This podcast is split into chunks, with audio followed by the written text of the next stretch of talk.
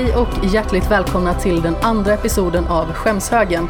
En podcast om upplevelser som gått oss förbi och förpassats till denna hög av missade populärkulturella möjligheter.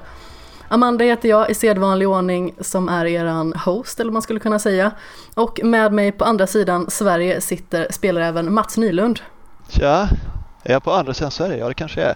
Jag skulle vilja påstå det, eller Ja. är det inte det? På Sveriges baksida. Sveriges rumpa. Ja, Är Jo, inte i det är. Stockholm eller är jag ute och cyklar? jo då. Ja men då borde det vara på andra sidan Sverige. Jag sitter ju nästan i Göteborg. Ja, ja okej då. Så det är andra, andra avsnittet. Frågan är, Ja. ska jag vara hedrad och bli inbjuden till andra avsnittet eller sur för att jag inte blir inbjuden till första? Ja, Du får välja lite där själv känner jag. Jag, Ja. eh, jag låter dig avgöra den känslan där. Jag vill inte lägga orden i munnen på dig. Ta det med jämnmod tror jag. Hur är det med dig? Är det bra? Ja, det är bra. Ledig för en gångs skull. Mhm. Ja. Vad skönt. Ja, och istället för att göra något vettigt så har jag spelat Farming Sim till frukost. Hur länge har du spelat Farming Sim undrar jag då. Eh, ja, sen Farming Sim 2013. Om du menar det här nya så 200 timmar kanske. Wow. Men det är ett sånt spel som man spelar eh, så här. Jag kan liksom sätta på det, låta min AI göra något medan jag går och liksom gör något frilansjobb eller går och duschar eller någonting. Var det de två alternativen du hade? Antingen typ. frilansjobb eller duscha? Ja, jag bor väldigt litet så finns, man har inte plats för något annat. Nej men precis. Eh, nej men jag hade lite likadant med Nino Kuni 2 att det var sådär att man väntade på att staden skulle samla in pengar åt den. Ja, Så helt plötsligt så var den uppe för 5000 och så kunde man helt enkelt bara eh, samla åt sig de pengarna. Och sen så började de på en ny kula hela tiden. Så eh, Ja. jag hade väl lika, li, ja, lite likadant där. Jag satt väl och poddade någon gång och spelade Nino Kuni samtidigt. ja. Eller ja, lagade mat och spelade Nino Kuni. Det, är så här, så det där var ju en grej förr liksom med så här SimCity och det att man bara ja nu, har, nu funkar allting, nu är det bara att vänta på pengarna. Liksom. Ja men ungefär, eller det var som när jag spelade The Sims 2 väldigt mycket. Typ, ja. Nu måste jag vänta på att den här personen ska göra det här men då går jag på dass länge eller någonting. Ja. Sen att Såna de gick på muggen grejer. i två timmar, det var ju en annan sak. ja men det är jättekonstigt. Vad, Ja. vad sysslar de med egentligen? De måste ju läsa jättemånga tidningar under tiden eller något. Ja, jag tror det, eller något sånt. Kanske inte gå in på detaljerna där. Nej men exakt, det är trots allt ett spel. Ja, Eh, kan du inte berätta lite mer om dig själv? Du bor på andra sidan Sverige i relation till mig. ja. Jag, eh, ja, vad ska man säga? Jag har ju ett riktigt jobb nu för tiden. Som trafikledare på tunnelbanan. Men eh, jag har skrivit om spel sedan 97 vill jag säga. Det är länge sedan. Det är jättelänge, 21 år snart nu. Snart 22 år, ja jösses. Ja, det är nytt år till och med. Ja, men eh, mest för PC Gamer, lite FZ. Eh, Superplay var redaktör på, frilansat för alla möjliga. En artikel publicerad i Edge, mitt största ögonblick.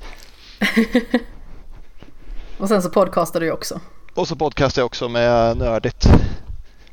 Som eh, ja, en av de åtta som håller på med det just nu. Supermysig podcast om man inte har lyssnat på den. Vilket borde vara märkligt om man inte lyssnar på den före man lyssnar på den här. Så lyssna på den i alla fall. Den Vi är har funnits fantastisk. längre om inte annat. Ja, den har funnits jättelänge. Jag eh, roade mig lite grann för ett och ett halvt år sedan med att börja lyssna igenom alla avsnitt. Oj, varför? Vilket självplågeri. Nej, jag tyckte det var jättebra. Ja. Jag hade er som eh, kompisar liksom på eh, allt ifrån eh, bilresor till eh, jobbet, Ja. pendeltåget och så vidare. Nej, det var hur fiffigt som helst. I och för sig har jag gjort samma sak med några andra poddar. Retroresan som jag gick runt på stan och lyssnade på hela tiden bara blev irriterad för att nej men så är det ju inte jag kan, och jag kan inte ge dem feedback för att det här var tre år sedan. Fan. Och de har du ju också gästat för övrigt. Ja det har jag också gjort det. Det hade jag nästan glömt ett par gånger till och med tror jag. Mm. Ja, det minns jag.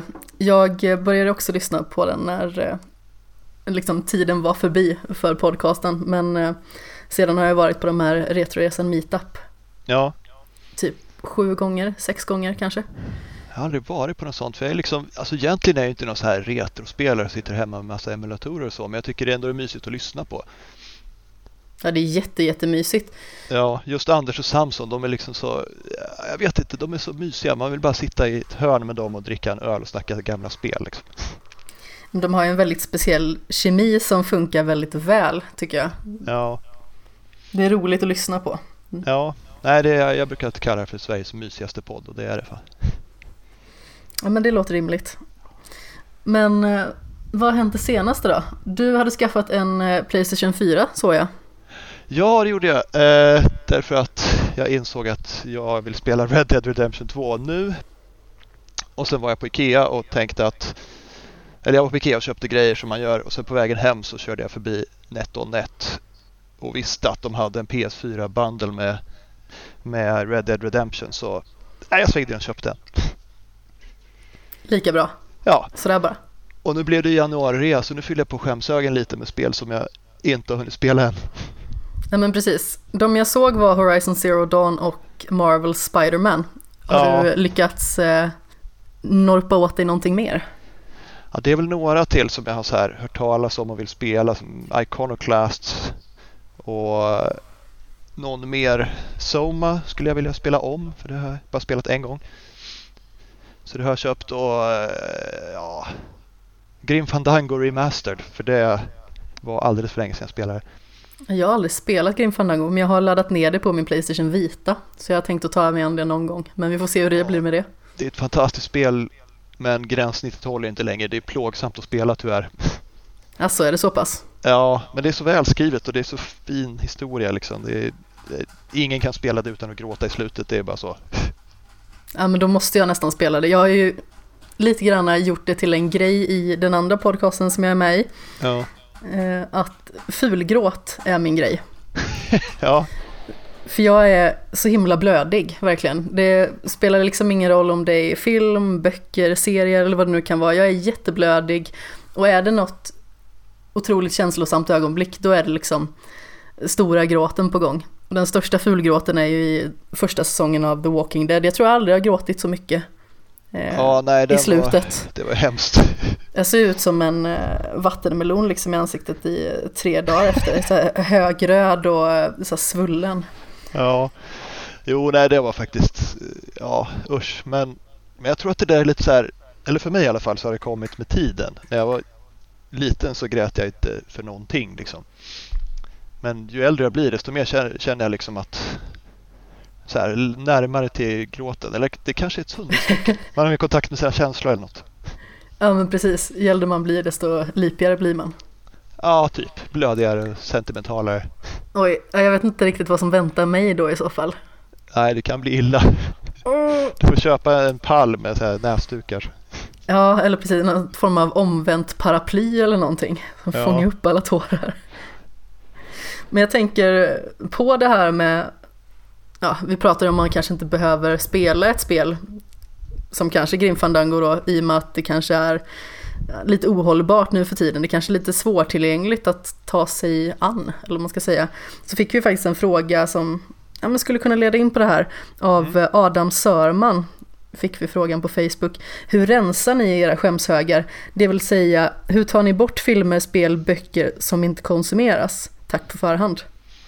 Oj, det, det, det är en bra fråga. Jag vet inte om jag gör det. Jag har spel i och för sig, för det har ju, de flesta av mina spel har jag på Steam och det måste man ju rensa för det blir ju fullt efter ett tag. Ja, det är sant. Man får inte plats på hårddisken.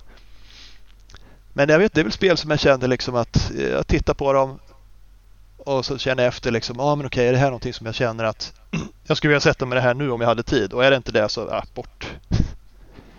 Ja, men det är en ganska så liksom, rimlig inställning. Jag känner ju lite så med ganska så många spel, i och med att jag började spela mer dedikerat så pass sent som jag gjorde, så finns det många spel som känns alltså, väldigt svårtillgängliga. Det finns ju jättemycket NES-spel som jag skulle vilja spela till exempel. Jag har ju spelat en del NES, men man märker också hur svårt det är att ta till sig om liksom, kontrollen inte riktigt är som man tänkt sig eller som det brukar och sådär. Det är jättesvårt. Jag vet jag försökte spela Journey to Silius eh, på någon sån här Retroresan meetup. Alltså, Ja. jag, kände, jag kände mig så dålig när jag satt och spelade. Det var nästan fånigt. Men det var ju en tid när gränssnittsdesign inte ens var ett ord så vi, vi är lite bortskämda nu tror jag. Ja, ja, men det är helt sant. Men det finns också ganska så nya spel som man känner att ja, men det här spelet det behöver jag nog faktiskt inte i min skämshög. Jag kan sälja det med gott samvete eller sådär. Ja. Jag behöver liksom inte ha det. Borderlands typiska exempel, både ettan och tvåan spelade jag eh, lite grann av. Men jag fastnade liksom inte för det, jag kom inte in i det och jag känner att det är spel som jag aldrig kommer ta mig an. Nej, men det är så här spel som man eh, det, det, var ju ett rätt bra spel men det blev inte riktigt bra för en spelare i co-op. Jag hade det i evigheter och spelade aldrig och sen började jag hälsa på brorsan på somrarna för jag åker ner till Örebro och flyger. Och han bor där. Så började jag hälsa på honom, tog med mig spelet och en handkontroll, satt vi och spelade hela natten. Liksom. Så, och då spelade vi igenom hela ettan och en bra bit av tvåan. Ja, då har man lite mer ett syfte också känns det som. Ja, och det är liksom istället för att sitta och slökolla YouTube och äta chips så satt vi och slöspelade Borderlands åt chips. Liksom. Ja, men då är det i alla fall men, någonting som man kan dela och göra tillsammans. Det blir ja. ju ännu lättare på något vis. De här Tom Clancy-spelen, eh, vad heter det nu, Rainbow Six Vegas 1 och 2, de var samma sak där liksom att jag orkar inte riktigt med dem, det var lite för mycket. Men i co-op med brorsan, då var de skitbra. Jag kan tänka mig det. Mm, jag vet inte riktigt. Hur tar ni bort filmer och så vidare? Ja, men det är precis som vi har sagt. Ofta så känner man liksom att det här behövs inte. Det är inte ja. precis som att vi har någon lista som vi sitter och bara, nej, nu åker du bort, din jäkel. nej, det är, det är Steam-listan. Men, och så har man väl Netflix också nu, men där känner jag mer att ja, men det kan ligga där. Jag kommer säkert titta på det någon gång och om inte så tar det ju ingen plats. Liksom. Jag använder inte någon lista där faktiskt. Jaha, nej det gör jag. Fast den borde jag nog rensa bort grejer jag faktiskt har sett ifrån. Ah. För det är någon sån sentimental jag... känsla att ja, men det var jättebra film, den borde få ligga kvar i listan. Men varför ska den göra det? Jag har ju sett den. Ja men precis. Jag har ju förvisso Letterboxd-appen som är ganska ja. så bra på det sättet att man kan äh, ha en eh, lista med äh, filmer som man inte har sett. Så det är ganska fint där ifall man känner att man har ja, men, lite dålig fantasi för tillfället och inte riktigt vet vad man är sugen på att se så kan man scrolla igenom den och se om man hittar någonting som passar ens sinnesstämning. Ja, det är ju bra. Något som hjälper till lite grann så här med vad man gillar, vilka kategorier och så också. Mm, ja, men det är samma sak på, jag har börjat lyssna på en del ljudböcker faktiskt. Senaste Aha. året. Det har inte jag gjort för jag tror inte att jag är tillräckligt koncentrerad. Jag lyssnar ju bara när jag går nästan. Och eh, då, då, är det bra att ha en podcast för det är liksom man zonar ut för att gå över ett övergångsställe i 30 sekunder så gör det inte så mycket. Liksom. Nej men precis. Jag lyssnar jättemycket på ljudböcker numera. Jag var ju en sån här dryg puritan typ från början som tyckte att ska man läsa ska man läsa på riktigt. jo, jag känner igen det där. Ska vara på papper också, så här elektroniska böcker med för trams. Ja, men, men precis. Eh, Man kan inte sitta där med en där. platta och se dum ut. Ja, jag har kommit över det. Jag böcker som låter när man släpper dem liksom. Ja, ja, precis. Men pappersböcker är ju faktiskt trevligare, det är de. Men de är ja, det finns ju en viss charm. Ja, men man kan inte ta med den på bussen liksom. Det... Nej, alltså jag köpte Eller, en, ja, eh, kan, en stor, jag köpte en stor bok om uh, Sherlock Holmes bara ja. förra veckan. Jag tänker att hur fasen ska jag få med den i min portfölj? Det kommer ju se helt myskofikt ut. Det ser ut som att jag har en stor tegelsten med mig i väskan. Ja, men jag ser ju folk ibland som sitter i kollektivtrafiken med så här gigantiska volymer. Ja, det, nej, ja. Jag, gör det knappt längre. Det får bli en liten pocketbok i så fall. Jag har dem på mobilen numera. Ja.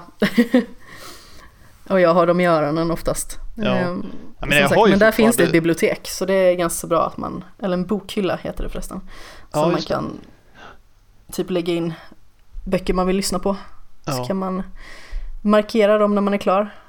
Jo, precis. Jag har ju massa böcker i bokhylla fortfarande. Några som jag inte ens har hunnit läsa. Men det är mycket lättare att ha i mobilen och man kan ta med sig överallt. Och har man, har man en kvarts rast kan man läsa lite i boken liksom.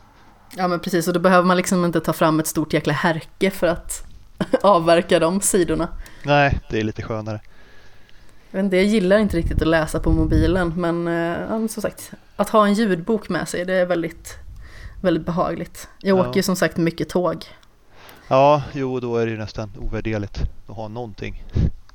Ja, sen vet inte, det går i perioder där för mig också. I vissa perioder så lyssnar jag jättemycket musik, sen så är det jättemycket podd och sen så är det jättemycket ljudbok. Så jag liksom behöver det här hjulet att kunna snurra på när jag tröttnar. Ja, För uppenbarligen är jag liksom i ett sånt stadie att jag behöver hela tiden någonstans att röra mig till. Det är samma sak med eh, ska vi se, film, tv-serie och spel som är kanske de viktigaste kategorierna i skämshögen just Ja. för undertecknad. Det är sådana grejer som jag cirkulerar på. I vissa perioder så spelar jag så ofantligt mycket spel så att det är fånigt. Och Ja. sen så kan jag liksom kolla på typ 50 filmer på en månad. Och sen så är det bara ett tv-serie som gäller liksom en period. Så oftast är det liksom inte att jag spelar lite och så kollar jag lite, utan det är så här, jag bränner ut ämnet fullkomligt tills jag tröttnar och tills jag typ kryper på golvet och inte orkar mer. Sen så börjar jag på ett nytt på något sätt. Ja, jag tror nog att jag har varit så, men nu är det mer att jag varvar. Gärna att jag kan liksom ha två böcker som jag läser samtidigt, samtidigt som jag följer tre tv-serier. Oj, Och mitt i det så är jag avbrott och kollar på en film liksom. Böcker kan jag inte läsa samtidigt. Min kompis berättade när vi satt och pratade på nyårsafton att hon kan ha liksom igång sju böcker fram, eh, samtidigt. Ja, Och jag jag- fattar inte det. två eller tre kan jag nog hålla igång. Mm. Men det beror lite på. Är en bok riktigt bra så vill man ju bara läsa den liksom. Ja, och jag känner också så här att jag vet inte riktigt om jag tror att jag skulle blanda ihop böckerna så mycket. Men det känns som att det förtar upplevelsen lite på något sätt. Ja, kanske lite. Jag vet inte. Det är ja. faktiskt det är typ ett nyårslöfte som jag har. Lite för mig själv. Jag brukar inte ha nyårslöften. Men eh, just det här är att jag ska försöka att bli klar med saker innan jag ger mig på något nytt. Jättesvårt som recensent. Ja, jag vet. Man blir lite yrkesskadad men efter 20 år med det här så har jag ju väldigt svårt att sätta med ett spel i mer än några timmar. Blir liksom, får myror i byxorna, jag måste göra något annat. Ja, men så jag, jag kände liksom att det, det behöver jag göra nu för att jag, jag startar för mycket projekt. Och så sitter man där och har liksom tallat lite på några spel och så vet man liksom inte riktigt var man ska börja för att avsluta någonting.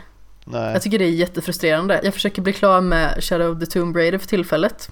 Som jag typ började spela precis när det kom. Men jag kom ju inte så jättelångt innan det var dags att börja spela något nytt spel. Jag tror, Jag att det tror var kom 99%. Red Dead då kanske. 99% Oj. klar med det när, eh, vad heter det, Assassin's Creed Odyssey släpptes. Men det var ju inte långt efter. Nej, jag vet, men jag satt och intensivspelade och sen kom Odyssey och jag tänkte, ja men jag provar och ser hur det är. Så går jag tillbaka till Tomb Raider, men det gjorde jag aldrig. Nej, å andra sidan den där liksom lilla procenten kanske man kan överleva med. Ja, jag vet ju hur det slutar, ungefär. Ja men precis. Nej men så jag sitter och försöker avverka det nu. Men jag har kommit till de här eh, Pishtako heter de väl. De, eh, den här legenden, de är ju superläskiga. Jag är ju som fegis så att det är löjligt.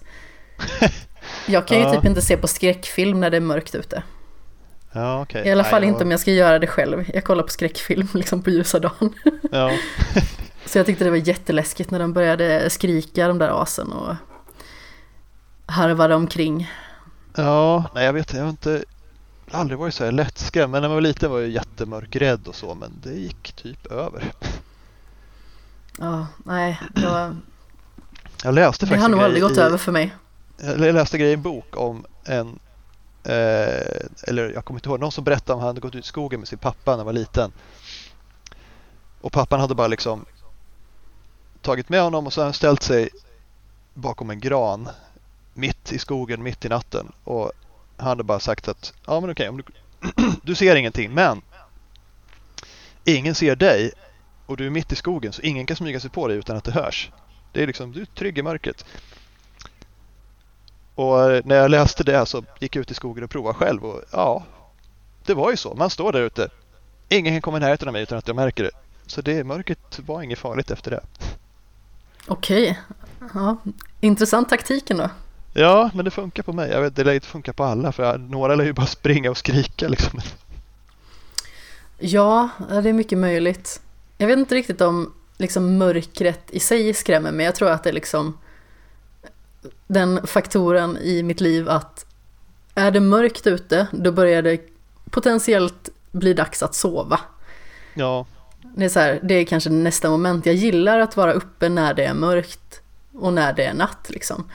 Men sitter jag och spelar, ja, men som typ det här momentet innan jag ska gå och lägga mig, då vet jag liksom att ja, men så ska jag gå och lägga mig och sen så lider jag av sömnparalys och ja. jag vill inte riktigt det här just nu.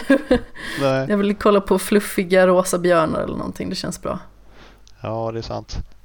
Jag hade, eh, när jag såg igenom Futurama så hade vi någon så här, eh, min dåvarande sambo, vi kollade på eh, så här riktigt vidriga skräckfilmer av någon anledning och sen efter det så såg vi liksom två avsnitt av Futurama och sen kunde vi gå och lägga oss.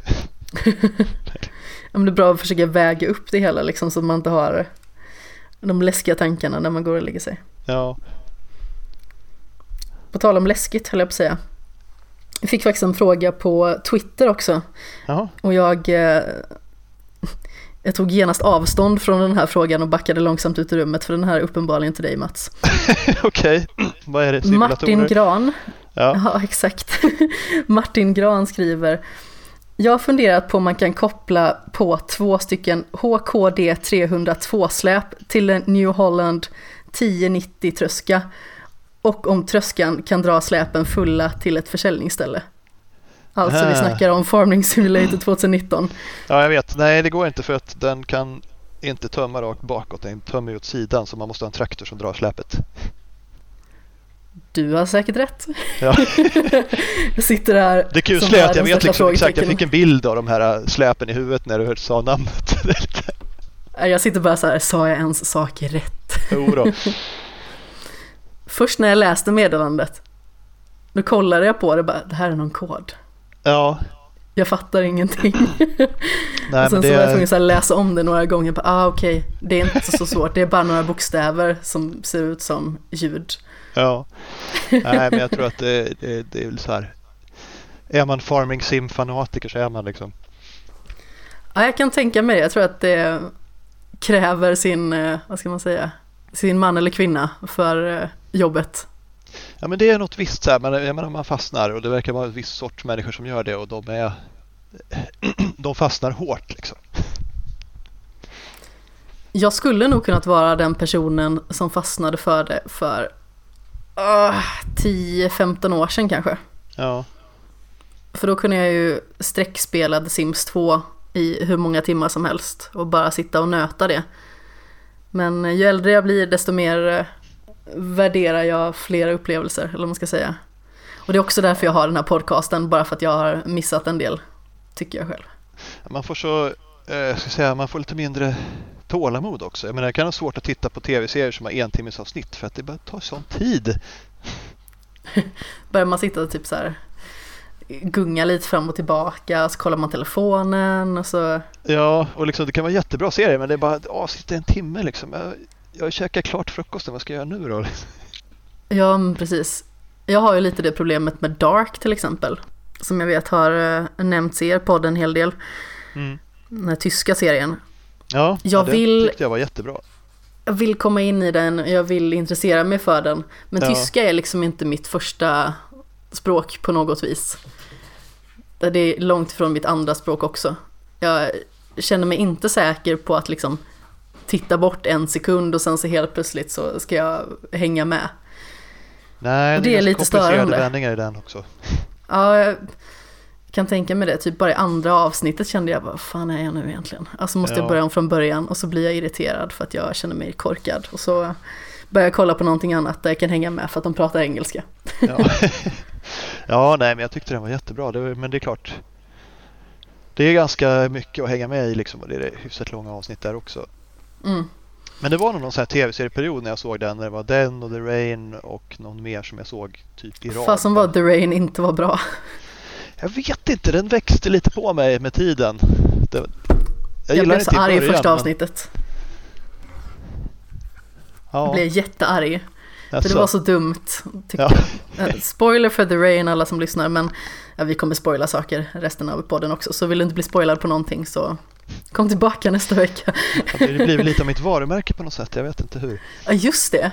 Ja, det. Det tänkte jag inte ens på när jag, när jag sa det. Nej, men i första episoden så öppnar ju den unga flickan är det va? Eh, Ja, ja. öppnar den här kapseln som de har gått in i. Även att deras mamma har sagt till att de inte ska öppna den. Och jag blir så arg. Jag blir så arg, det är så dumt. Ja, var men de bara, hade ju typ Gör rätt. det var ju... inte. Ja. Men de hade ju nästan slut på mat här för mig.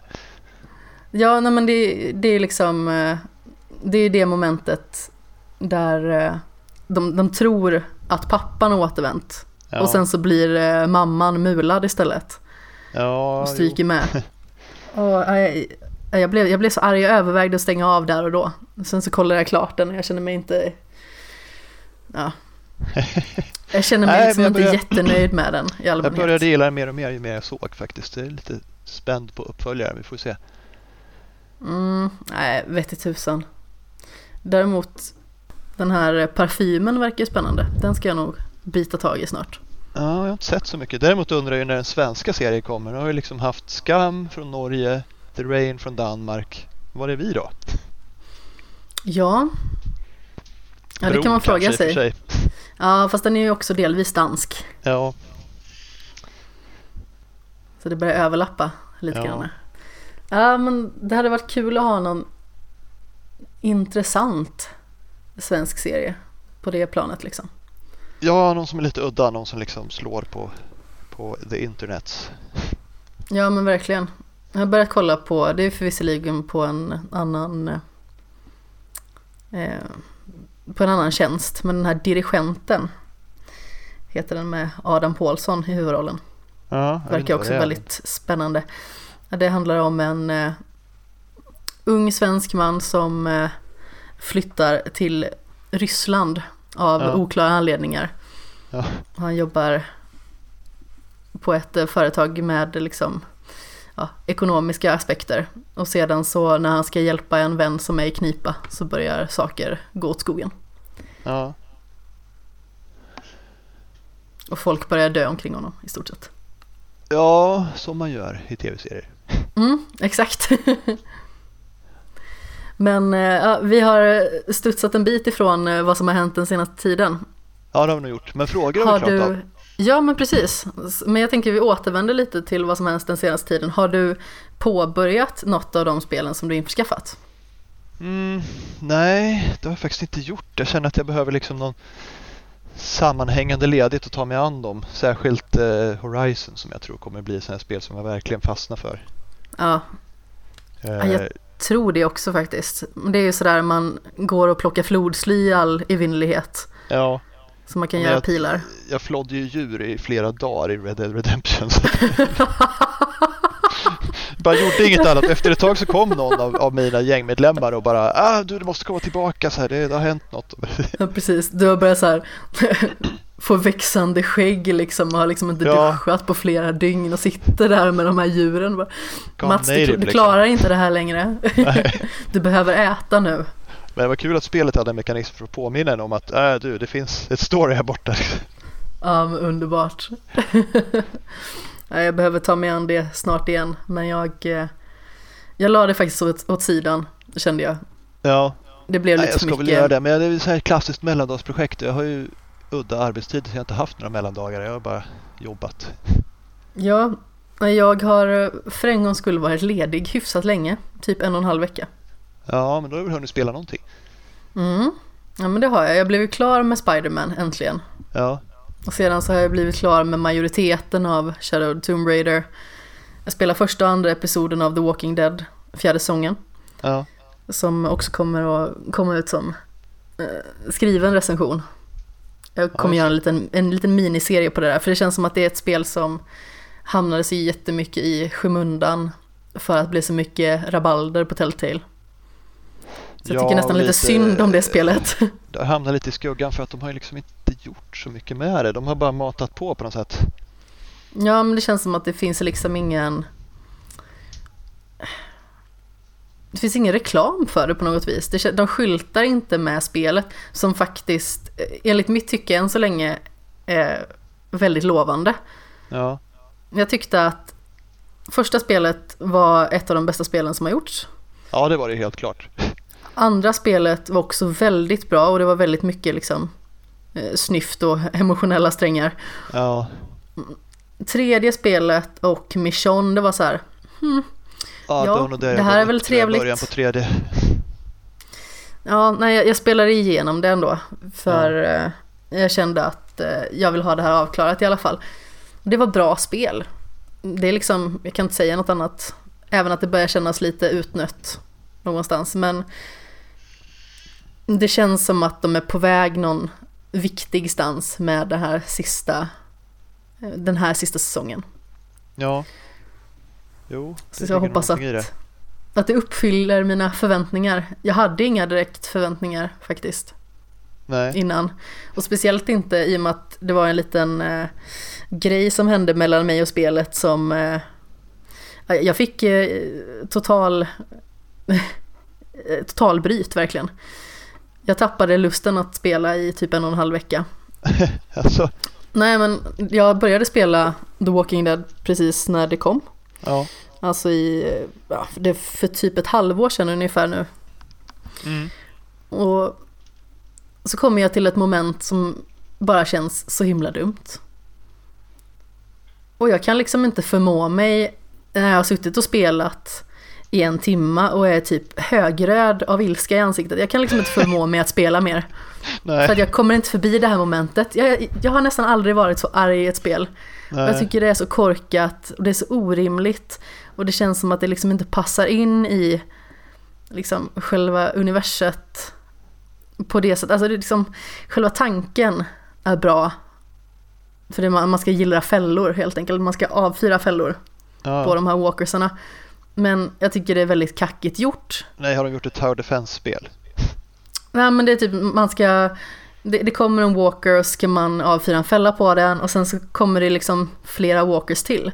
Ja. Och så måste man springa till nästa fälla och avfyra den och sen så helt plötsligt, typ varje gång jag gjorde det här, så kom det en walker bakom mig. Och jag förstår inte, hur lyckas den hamna bakom mig? Det är ingen bakom mig innan, men det är alltid någon jäkel som hamnar bakom mig och biter mig i nacken. ja, det är inte Och jag, kul. och jag var så arg. Jag var så arg. liksom. Men sen så ja, satte jag mig för några dagar och tänkte att nej, nu måste jag ge det här spelet en chans. Mm. Så tänkte jag att jag får börja om från början, men det fick jag faktiskt inte. Utan jag fick börja på exakt det momentet och klara det på första försöket. Ja, men det var ju bra i alla fall. Så jag har liksom, jag har reducerat min ilska Ja. gentemot det momentet. Men, men då var jag faktiskt riktigt arg. Och det var verkligen sådär, det, det sög musten ur mig totalt. Jag ville typ inte röra tv-spel, jag satt typ bara kollade på konsolen och så arg ut. Ja, men li, li, lite som, eh, som en katt liksom när man har ja, men typ råkat gå in i dem eller någonting. Ja. Det har hänt mig jättemånga gånger att jag typ har vänt mig om och så sitter katten där och så råkar jag liksom fota till den utan att det är meningen. Och så sitter de och kollar på en väldigt surt tills de får en massa kel. Lite den ja, minen de, hade jag. du, de utgår ifrån att du gjorde det med flit. Ja, såklart. Ja. och så sitter man där och, ja men, det kändes som att jag typ eh, skuldbelagde spelet lite. ja. ja. Men nu har jag, igenom, eh, har jag spelat igenom båda episoderna och snart kommer ju den tredje episoden av säsongen och det är bara 11 dagar kvar vid eh, inspelningens datum.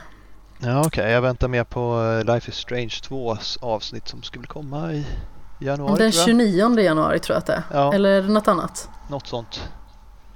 N- Någonting, någonting 20 vill jag minnas. Ja, M- Men det kan vara Kingdom bekant. Hearts 3 jag tänker på också.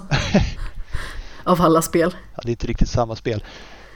Nej, det är inte ens likt, men det är ju eh, Square Enix. Ja, det är det ju. Har du spelat Kingdom Hearts för övrigt?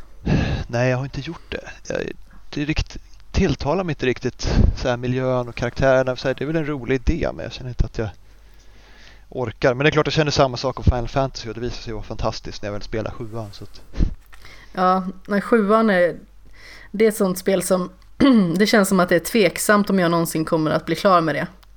Ja, För nej, jag är inte heller klar med det men jag har ju kommit till Jag de vet vad som händer, bitarna, liksom. Ja,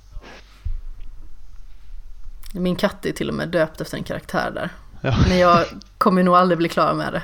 Jag har Nej. ju jag har insett det faktum att eh, det finns vissa grejer som man liksom bara inte tar sig an. Precis som tidigare nämnt. ja, det är lite stort och lite gammalt liksom. Ja, och det, det kanske var snyggt för sin tid, men när jag kollar på det så ser det ju jättekackigt ut. Ja, och den här eh, omtolkningen eller vad det nu blir verkar ju faktiskt inte bli något vidare om det blir av alls.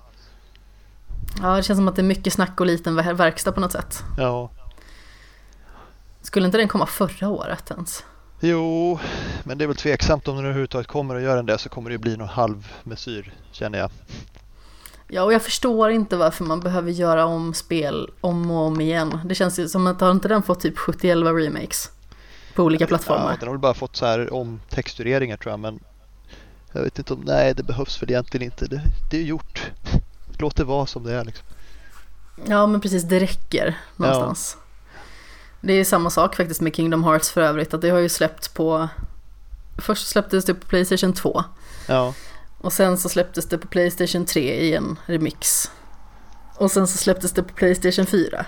ja, Och allt det här känns som att det är bara för att fördriva tiden, bara för att Kingdom Hearts 3 är så himla försenat. Men nu verkar det ju faktiskt komma om 20 dagar ungefär. Ja. Man blir lite less som köpare där i och för sig. För det är liksom, ja men jag har ju köpt det här spelet tre gånger. Ska jag köpa det en fjärde gång? Det, Ja, man, det är klart det är lustigt. till nya format. Folk måste jobba på och utveckla det där men det känns ändå lite surt. Ja, vissa grejer känner man kanske att ja, men det här vill jag gärna spela en gång till och då kan jag lika gärna spela på en nyare fräschare plattform. Ja, Jag har ju spelat Batman Arkham Asylum 71 gånger och spelat på PC, PS3 och PS4. ja, ja. Men alltså jag känner liksom inte att om det skulle komma en Playstation 5 om Ja, tre veckor. ja, ja men tre då veckor. behöver jag liksom inte ett exemplar av Arkham till det också. Nej. Ja, det blir för mycket. Ja, alltså jag brukar ju såga bakåtkompatibilitet för att det är en sån här grej som ja, mycket snack om innan det kommer en ny konsol. Ja, den kommer bakåtkompatibel så det är ingen som spelar de gamla spelen i alla fall. Men i det fallet så skulle det ju faktiskt vara motiverat. Ja, och vissa grejer känns som att man hellre spelar som en del av liksom, en bakåtkompatibel konsol än att man hela tiden ska behöva köpa nya utgåvor av ett spel. Ja, Så här, varför ska ni ta mina pengar en gång till? Men man Ja, tänker lite inte så. på det just då heller, man bor här, gladeligen, ta dem. ja, Så man står man där och liksom viftar med, med pengarna framför utgivarna och de tycker ju att det är jättebekvämt, ja det är klart. såklart. Får mer pengar för grejer de redan har gjort. Ja, nej, så jag känner ju att man, eh, man gör ju lite fel själv, eller jag gör det. Man föder dysfunktionen lite grann på något Mm. vis. Jo, lite grann. Men hur som haver. Jag tänker att vi ska gå in på själva huvuddelen av eh, ja, men det här avsnittet helt enkelt. Vi kommer ju prata lite grann om det gångna året. Mm. Inte så jätteomfattande så sett. Men vi kommer gå igenom de här tre huvudkategorierna som jag känner definierar den här podcasten allra mest. Kanske lämnar utrymme lite grann för att ja, flika in med lite andra upplevelser också, ifall vi känner det. Men det är ju helt enkelt tv-serier, filmer och spel som vi ska prata om. Och då börjar jag med att fråga dig Mats. Den tv-serie i år som är årets skämshögserie. Alltså någonting som Oj. du missade tidigare. Årets skämshögserie, ja. Jag tror att det är den jag mest skäms för att jag missade är Star Wars Resistance. Okej, För att eh, jag älskar verkligen Rebels och följde den slaviskt. Men har du sett igenom den då så- alltså? Ja, hela, hela Rebels har jag sett. Men Resistance har jag liksom inte... Jag tittade på ett avsnitt till frukost i morse för att jag kom på att oj, den skulle jag ju se. Ja, men då har du i alla fall börjat kolla på den. Jag har börjat, men det, det var en sån här grej som jag hade tänkt göra förra året som inte blev av. Det är Okej, nog- okej. Det är nog den, ja, det är det är den jag kommer på först i alla fall. Men har du någon serie som du har missat tidigare som du såg under det gångna året? Eh, ja, kanske. The Good Place börjar jag äntligen kolla på. Det finns ju tre Ja. säsonger nu, nästan. Inte hela tredje än, men Just det. Det är samma som har gjort eh, Parks and Recreation va? ja, det är det. Michael Schur. Och det. det. visar sig ju vara helt fantastiskt. Verkligen så här, ser, den serien jag behövde. Lite glad. Det är det alltså? Ja, den är... Jag har bara sett några få avsnitt men jag har liksom inte blivit indragen direkt. Å andra sidan så hade jag sällskap då så det kanske var att man liksom satt och pratade lite. Ja. Jo, men den är, det är så här, verkligen så här feel komedi. Det finns liksom inget elakt i den, men den är ändå lite så här. Den har ett mörker och, och twisten i slutet av första säsongen är ju helt fantastisk. Okej, ja det kommer ju en twist ganska så tidigt till och med. Det här med Ja. att, eh, Men det blir, det blir värre. ja men precis. Huvudkaraktären som man följer, vad är det hon heter nu igen? Minns du det? Eh, Eleanor Shellstrop. Yes. Det är ju så att man kommer till the good place när man har gjort goda gärningar och man får liksom ett hus som är inrett helt efter hur man är som person och, och sådär och man har liksom en själsfrände som man ska möta. Mm. Och eh, sen så visar det sig att hon har blivit skickad fel. Hon ska inte alls vara där. Nej, för hon har inte hon är- varit god. Det har bara blivit fel Nej, precis. high score-systemet de har. Så av någon anledning så har hon kommit till fel ställe. Ja. Nej, det, jag tycker det var, det var jättebra. Det var mycket bättre än vad jag hade trott. Ja, jag måste sätta tänderna i den ordentligt då tänker jag. Ja. Det kan bli min nya Parks and Recreation förhoppningsvis. Det är ju en serie som jag älskar så otroligt mycket. Jag tycker att den är så fin och mysig. Och jag kan se den hur många gånger som helst. Jag har sett alldeles för lite av den. Jag borde se mer. Det finns ju faktiskt på HBO nu eh, i alla fall, så det är lite mer lättillgängligt än innan. Ja, jag har ju Innan- HBO. Men där har jag nog en massa serier för det är jag väldigt sällan inne. Det är så jobbigt gränssnitt. är det det som är problemet liksom? Det är Ja, men gränssnittet lite så, på det är själva tjänsten. Man får kämpa mot det för att komma in. Men sen har jag, jag menar, jag har ju massor av serier som jag borde ha sett eller har börjat se och inte fortsatt. Eh, Liksom Black Mirror börjar jag på. Mm, jag har sett typ Eh, tre avsnitt. Ja, A Series of Unfortunate Events. Eller Syskonen Baudelaires olycksaliga liv heter den på svenska. Ja, just det. Eh, Så kommer säsong två som jag inte såg. Fast jag älskar ettan liksom. Det, det är gott om grejer. Legends of Tomorrow som tydligen är bra på riktigt. Jag pressade mig igenom en och en halv säsong för jag tänkte den måste ju bli bra. Den är inte bra på låtsas. Och den blev bättre liksom. Men den blev inte så bra. Så jag slutade kolla och nu hör jag att den blev bra på riktigt i år. Ja, okej. För mig så var årets skämshögserie, det vill säga en, en serie som jag faktiskt kollade på förra året, Ja, som var från 2017 i mitt fall, det var Mindhunter. Jaha, oj, ja den såg jag direkt när den kom och sen sträckkollade jag varenda vaken minut tills jag var klar. Jag hade ju missat den, Jaha, av någon outgrundlig anledning, ja, men den var ju fantastisk. den är fantastisk. Jag tror jag har sett den tre gånger nu vid det här laget. Faktiskt. Oj, ja okej. jag har bara sett den en gång men det, det var ju underbart. Det var ju så jäkla obehaglig och så välskriven och så alltså, skådisarna är ju helt rätt. Ja, det jag gillar med den framför allt det är att det handlar mycket mer om så här, beteendevetande och intellektet och Ja. liksom hur man hanterar människor utifrån liksom olika typer av perspektiv. Istället för att det är en serie som handlar om beteendevetande men som också inkluderar mycket våld. Ja, det är ju typ inget våld. Nej men precis, och jag tycker att det är det känns nytt och fräscht på något vis. Ja, Criminal Minds till exempel hade ju någonting hyfsat på gång ändå med att de började jobba ganska mycket med liksom, gärningsmannaprofiler och så. Man Mm. skulle kunna säga att om man skulle sätta dem i ordning eh, tidslinjemässigt så kommer ju Mindhunter först i och med att den var liksom det är för 50 år sedan ungefär eller det var ju de sånt. första som började använda beteendevetandet eh, Exakt. för att fånga brottslingar typ. Precis, det var ju där det liksom upptäcktes.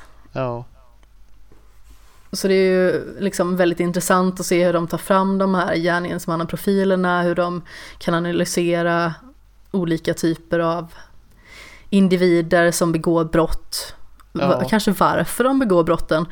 Och eh, naturligtvis liksom att det helt plötsligt kommer upp en ny term som heter seriemördare. Ja, precis. Som inte har funnits tidigare. Nej.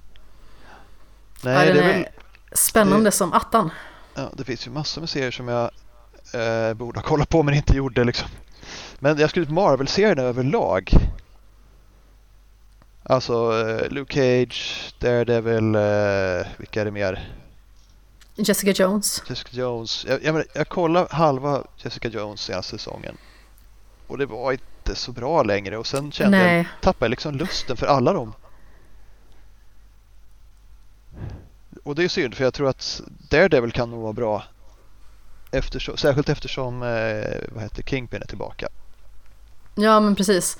Jag eh, gjorde faktiskt en årskrönika på själva Skämshögsbloggen och där var Jessica Jones säsong 2 årets besvikelse, helt klart för mig. Ja. Första säsongen tycker jag är superbra. ja, men där är också- Jag med. Som Men, sagt, eh, det är ju David Tennant som gör en Killgrave som är helt makalös. Han är så obehaglig och så vidrig. Man tror liksom inte att den här lilla gullponken som man gillar kan vara ett sånt jävla äckelhärke. Nej, men samtidigt så gör han det som att eh, som man fattar liksom att han gör inte det för han är ond, utan det är bara så här hans liv är. Han har Ja, aldrig exakt. behövt anstränga sig för någonting. Liksom. Det är bara det är så här han ser på världen. Ja, det är Det ja, jag tycker jag är jättebra. Han var fantastisk. superbra och jätteobehagligt. Men det är återigen det där, jag gillar Alltså när man jobbar mycket med intellekt och tankar istället, istället för mer våld. Och det är Ja. mycket mer våld i andra säsongen tycker jag. Eller det är kanske bara jag som inbillar mig det, bara för att det liksom inte bryts av med den här liksom, det här Ja. hjär- hjärnspelet. Jo, ja, men jag gillar det också att det är liksom inte bara... Nej, men de, de fyller inte ut med en massa onödigt våld för att få effekt liksom, utan det är mer... Eh, De förlitar sig på att folk faktiskt kan tänka. Det är skönt någon gång ibland. Ja, det är ju fint. Ja, Man inte är som en, en nickedocka liksom, bara Ja. som tittare. Mm. Vi, eh, förlåt jag drack lite Pepsi Max så nu blir det lite smaskande och um, sväljande och sådär eh, Ja. i podden. Men det var, får ni var stå vi ut inne på med. besvikelse nu eller? Nej, det behöver, alltså vill du ta med någon besvikelse får du jättegärna göra det. Jag vet inte om det här är en besvikelse, men jag såg, eh, vad heter det, Disenchantment. Okej, Matt Groenings nya serie. berätta alltså mer. han bakom Simpson, Simpsons. Just det, det är den ja. Ja, det är fa- fantasy-parodi med Mm. en prinsessa i huvudrollen som är liksom eh, ja, alkoholiserad, olydig och liksom ja, största allmänhet beter sig som manliga karaktärer brukar göra och det, det är jätteroligt. En slusk. Ja. Och jag vet inte riktigt om jag gillar det här. Jag har sett hela första säsongen och jag tänker liksom ja, det är väl rätt kul. Men Men ibland så blir det sådär också att man kul? Det är nästan vill man skäms för att man tycker att det är kul. Ja men det är lite sådär också, ibland så känner man att man vill att någonting ska tycka vara kul bara för att det har håsats upp så mycket men så känner man själv att jag fattar inte riktigt vad som är kul med det här. Ja. Och så kände jag när jag såg första avsnittet, jag fattade inte riktigt vad som var kul. Att det blir ju bättre, det blir skämten, skämten landar lite mer men samtidigt så är det ju lite så här det lämnar inget bestående avtryck direkt på mig. Nej, och det Det, vill kan man gärna hända att att det jag ska missar göra att ändå. säsong två kommer liksom. Ja, missar inom citationstecken. Så Ja. Vandrar sakteliga förbi och bara nej, Ja, jag har viktigare saker för mig. Lex Farming Sim 19. ja typ. Nej men det var ju, jag vet inte vilken, vilken grej vi är inne på nu egentligen. Bra, dåliga? Det blev Menar oklart du, det var eh, mitt fel. Nej men det är ingen fara. Vi skulle kunna gå vidare på årets bubblare, alltså den som kanske är närmst att eh, ja, sno årets serie. Ja, har jag sagt årets serie? Ja, det beror lite på om man definierar, Nej, det definierar har en serie som har kommit i år eller en serie som... Nej okej, strunt i det. Vi tar det sen. Men bubblare, ja... Jag gillar lite otippat Lost in Space fast jag Okej, inte borde göra det. var det en, eh, en serie som många tyckte var en besvikelse va? Egentligen. Ja, det var ju det. Och det, och det är liksom, de återupplivar en gammal så här, fånig, kitschig serie och gör en seriös och modern eh, och snygg. Och Jag har inte sett någon av dem. Och har med Toby Jones som var fantastisk i Black Sails. Men det är liksom jag borde inte gilla det men jag gör det. Jag, såg, jag sträcksåg rakt igenom den. Nej men alltså vissa grejer så tycker man ju bara om. Man behöver ju inte följa vad andra, liksom, vad Nej. andra har för åsikter. Det är väldigt lätt Nej. att göra det. Det Ja. tycker jag själv. I och med att det hela tiden uppdateras via internet och man blir hela tiden matad med andras åsikter så känns det som att andras åsikter blir liksom indoktrinerade in i ens egna åsikter. Och det kan, jag, jag tycker att det är lite störande ibland, för ibland så vill man tycka genuint illa om saker och så tycker man att ja men alla andra tycker ju att det här är bra. Borde Ja. jag kanske också tycka att det är bra? Och så känner man sig lite som en posör. Ja, precis. Och, men det finns ju så många serier som jag tyckte var... Ja, Dirk Gentlys Holistiska detektivbyrå, säsong två. Var fantastisk. Jag har inte sett faktiskt. Eh, och eh, ja, Doctor Who kom ju med en ny säsong. Mm, som jag missade. Eller ja, jag visste att den kom men jag har inte hittat ett bra ställe att konsumera den på. Ja, nej men det var också så här. Jag älskar nya doktorn och hennes- nya companions. De har så otroligt bra banter liksom. Men säsongen i sig var lite så här lite vinglig och velig. Visste inte riktigt vad det var på väg. Men brukar det Kanske. inte lite vara så i början? I och för sig, det finns ju vissa inledande avsnitt som kan vara svinbra. Jag tycker ju Matt Smiths eh, avsnitt, det Ja, första inledande där är jättebra. Riktigt bra. Men eh, den här var väl lite så här. Ja, de, det var nästan de sämsta avsnitten var i början. Så det var lite trögt att tugga sig in i den. Mm. Men eh, den avslutar ju fantastiskt med nyårsavsnitt som man bara liksom. Ja, satt och grinade. Det var så jävla bra. Vad fint. Ja, men jag ska ta mig, ta mig an det när jag känner att jag eh, hittar en bra plattform för det på något Ja. vis. För nu känns det som att jag behöver låna det av någon kompis på internet och det Ja, det är lite synd. De kunde vara lite snabbare och få ut Ja. det på diverse streamingtjänster tycker jag.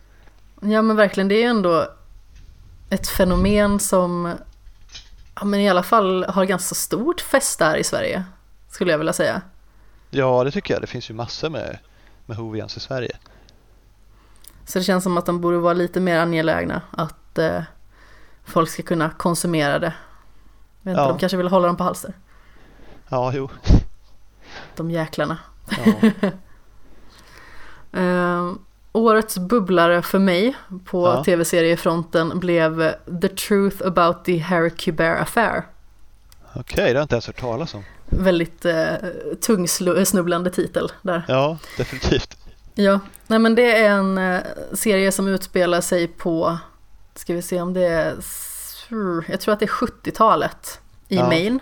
Ja, Huvudkaraktären spelas av eh, Patrick Dempsey av alla personer. Det känns lite konstigt i och med att han känns som den här go-to romcom-killen på något sätt. ja, Men eh, han gör en väldigt bra rollprestation som just Harry Kubert. ja. Det här är en, eh, ja, en aspirerande författare som reser till den här lilla orten i Maine för att skriva på sin bok. Han träffar en ung flicka som han blir förälskad i. Hon är bara 15 år och han är typ 35. Jaha. Eller något i den stilen. Ja, Vad man kan utläsa från serien så, alltså de gör aldrig någonting. Men det vet man ju liksom inte riktigt heller för att hon blir mördad. mm. Och hon hittas 30 år senare nedgrävd i hans bakgård. det låter som en Stephen King-bok. Ja, eller hur? Just för att det är i Maine, men eh, det var det tydligen inte. Nej, nej. Men eh, det som är så intressant med den här serien, det är att det känns som att alla är misstänkta. Man kan liksom inte hitta någon form av infallsvinkel direkt och känna att ja, men den här personen skulle kunna gjort det på grund av det här och sen hålla sig till det liksom hela vägen igenom. Utan man sitter där och så ja ah, men den här personen måste det vara. För den här personen måste ha det här som motiv. Ja, Och ja. sen så kommer en ny person, man bara, men den här personen, och så, nej den, ah, nej. Den som reder i fallet är väl den egentligen som absolut inte kan vara misstänkt, för han var inte ens född på 70-talet när mordet begicks. Okej, det är säkert han som är är en- mördaren då. Vad sa du? Det är säkert han som är mördaren då. Ja, det, det går ju liksom inte. Men eh, han i alla fall är ju en, eh, en student. Han eh, har precis skrivit en bok och han har studerat för Harry Kubert när han var lärare, helt enkelt på universitetet. Ja. Och han, eh, han och eh, Harry har blivit liksom nära vänner. Så därför försöker han göra allting för att han ska kunna komma ut ur, ur fängelset. För han eh, blir ju satt i finkan liksom för att alla tecken tyder på att det är han. Men sedan så kommer det upp väldigt mycket, alltså nya ledtrådar och sånt som ja, leder in på väldigt många olika personer och när det har gått typ halva serien så har liksom inte alla misstänkta ens radats upp. Nej. Så det är liksom, det kommer nya ledtrådar hela tiden och Huh. nya infallsvinklar. Det är superspännande. Den är Ja. riktigt bra. Finns på SVT Play. Jaha, SVT, okej. Ja, det är Mm. så sällan man går in där för man tänker inte så mycket på att det, att det finns. Nej, i vanliga fall så går jag bara in och kollar på På spåret där. Det Ja. i stort sett det. ja. Men Mats, vad säger du? Vilken är årets bästa tv-serie? Mm. Ja, jag måste nog eh, säga Mindhunter faktiskt. Det, Det är det? Ja. Det var den som liksom bara sög in mig. Jag kunde inte sluta titta förrän jag var klar. Men släpptes den i år? Gjorde den inte det? Det var förra Eller året? rättare sagt 2018. Ja, just det. Det är Jag menar, 2019 nu. Ja, du vet vad jag menar. Jag tror, ja, gjorde den inte det så kanske... För det borde det inte ha varit en, en skämshögsgrej för undertecknad. Eh, nej, det Oj, vad hemligt jag ninja-googlar i bakgrunden. Det Ja, du, du har nog rätt. 2017 står det på Netflix om man kollar. Ja, men precis. Aj då! Ja, vad ska jag hitta på då? då? Eh, Spännande. ja, nej jag vet inte om... Alltså jag har sett massor. Men det var få som gjorde en så här eh, bestående intryck som den gjorde liksom. Jag tyckte att det var ett ganska så klent år. Just på seriefronten faktiskt. Det var klent år på alla front. Eller klent var det inte, men det var liksom... Det kom mycket som var bra. Det kom väldigt lite som var extraordinärt liksom. Ja, jag tycker att det var två serier som verkligen stack ut. Som kändes spikade liksom uppe i toppen. Ja, Och eh, just i film så tyckte jag att det fanns väldigt många väldigt bra filmer men det fanns liksom ingen så här full poängare. Så ja, jag håller med dig där, det fanns väldigt mycket bra men kanske just serier är nog det svagaste för mig i år liksom. ja. Även att jag har sett jättemycket serier men det är nog mest att jag har sett ikapp serier. Och sett om serier. Ja, det är väl det. Och det är mycket så här, mycket säsong två som, som kom i år. Som förvisso var bra då, men Har du någon som är så här, ja men det här var, det här var toppen säsong två som kom i år? eh, Glow. Mhm, Glow var ju faktiskt... Eh, eh, jo, men det är nog... Ja, om jag inte får säga Mindhunter så säger jag Glow. jag sitter här liksom med linjalen och bara nej, förra Ja, året. nej, för det var... Alltså det, det, det, det är ju så här premiss som typ inte borde funka. Det handlar ju om när de satte upp en så här fejkad kvinnlig brottningsliga Okej, 80-talet, jag har faktiskt ingen eh, alls koll på det här. Som inte borde ha funkat men som blev succé och funkar i alla fall. Okej, Eller succé och succé, men, men det fungerar liksom. Och, och det finns två, två säsonger. Den andra kom i år och det är så jävla bra. ja, fint. Ja, Jag, jag har sett den passera väldigt många gånger i flödet på Netflix men jag har aldrig liksom tagit tag i den överhuvudtaget.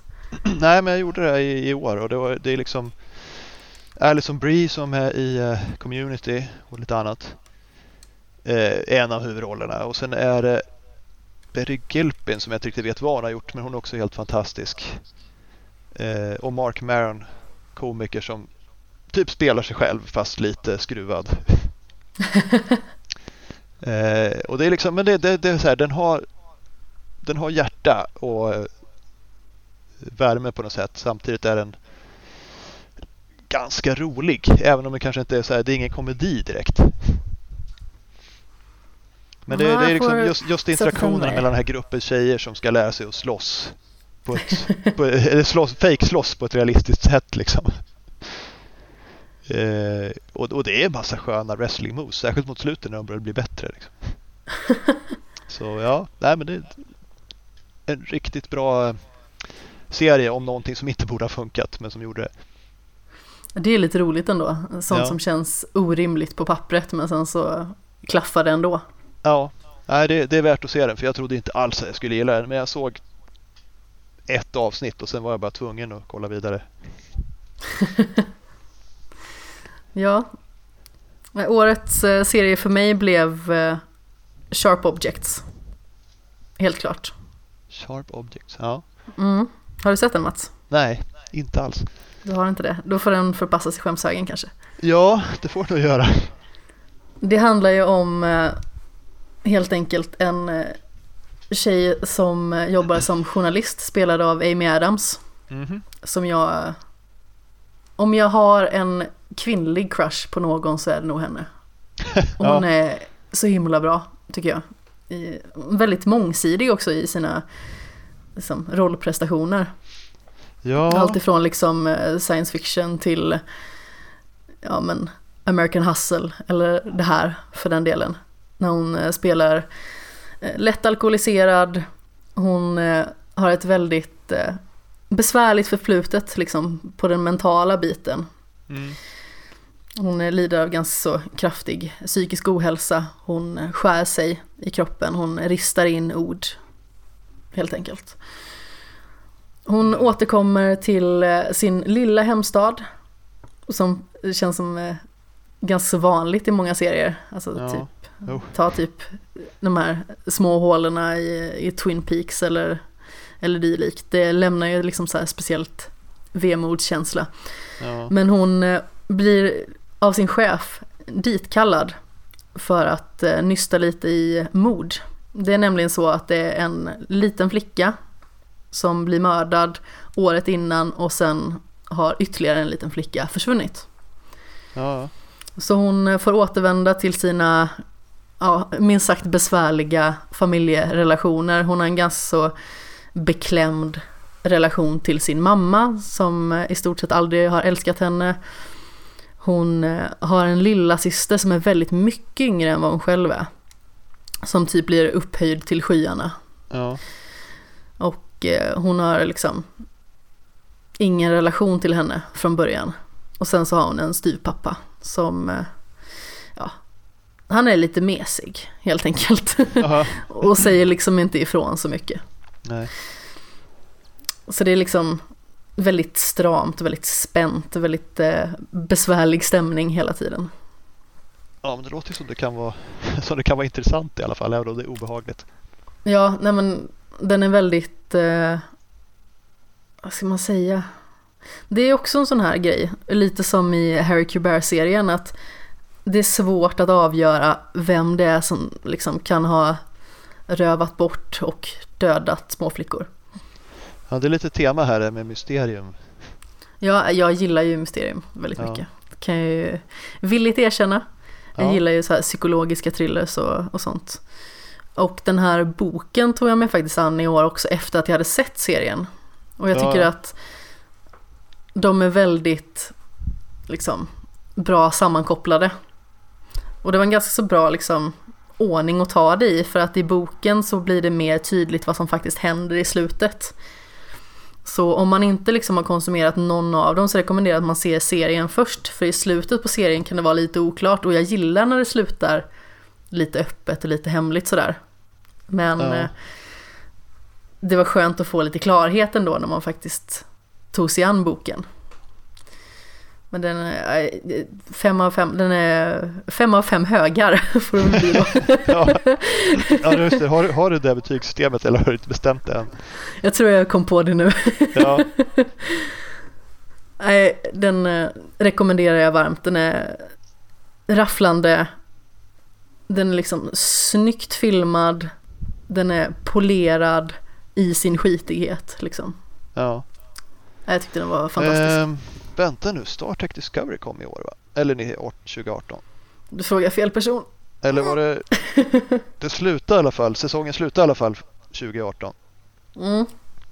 Då Det får har den vi- räknas. Ja, ja, men där har vi ju en serie som, som man antingen hatar eller älskar verkar det som. Okej. Eh, och jag faller nog på älskarsidan där för den eh, kanske inte bästa serien men riktigt, riktigt bra. Liksom. För att den, liksom, den vågar göra något nytt. Den vågar liksom gå ner på... det är inte bara liksom kaptenen som är viktig utan det här handlar mer om andra människor och Sidorelationer typ. Ja, och den försöker liksom göra lite skitigare, lite mer realistiskt. Eh, och jag gillar det. Sen hade den ju sina sidor. En twist mitt i säsongen som jag tyckte var jättefånig. Och, ja. Men ändå en serie som så här känns som det här kan bli riktigt bra om det får lite tid på sig. Liksom. Ja men vad fint. Vad säger du, ska vi gå vidare till nästa kategori kanske? Ja, definitivt.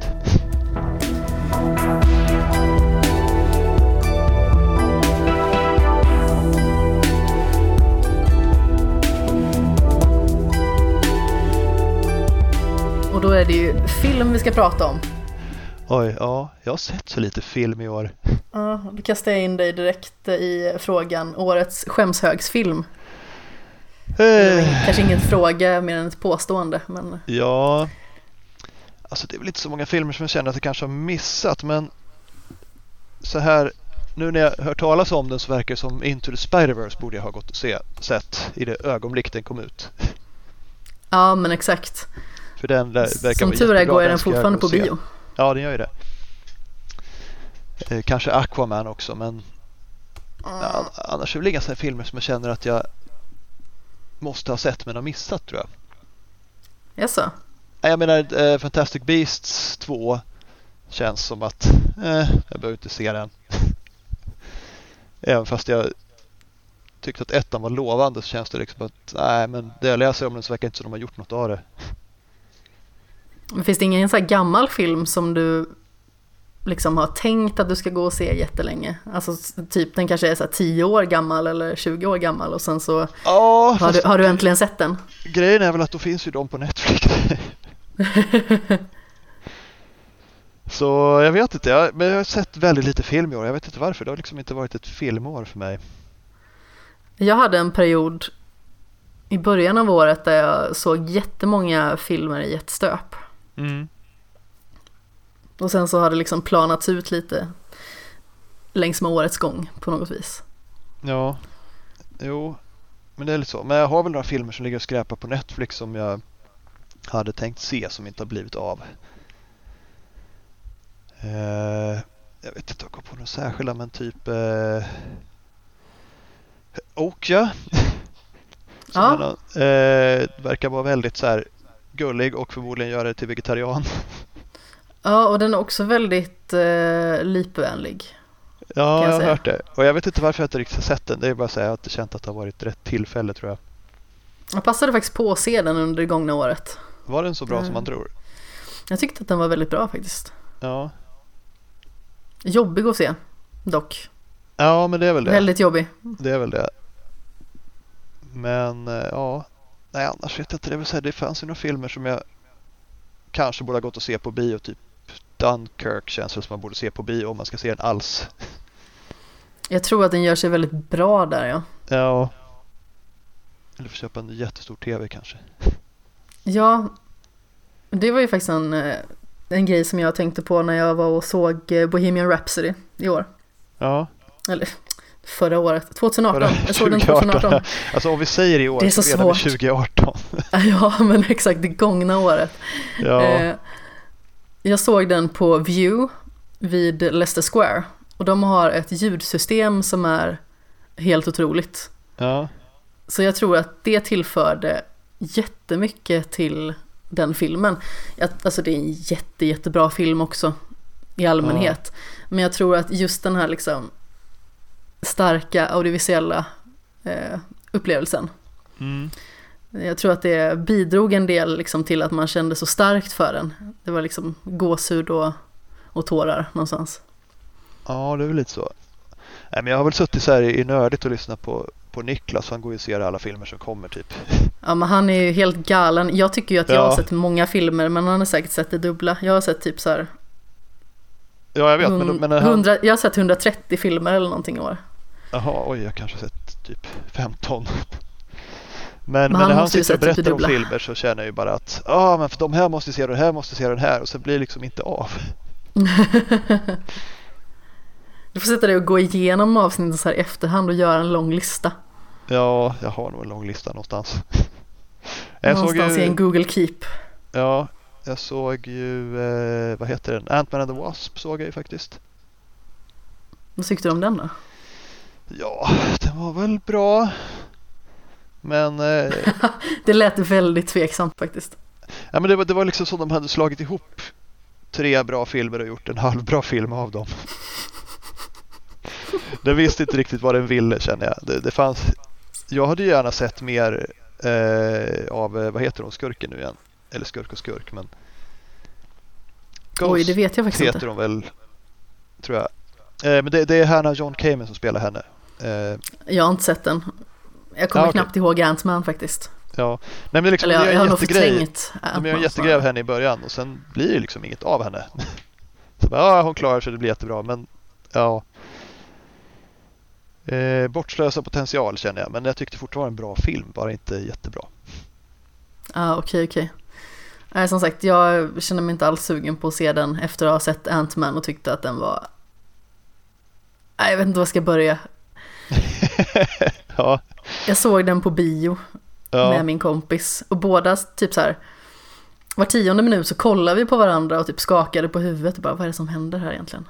Vad är det här för någonting? ja, Varför konsumerar vi skit? ja, det är lite så tyvärr.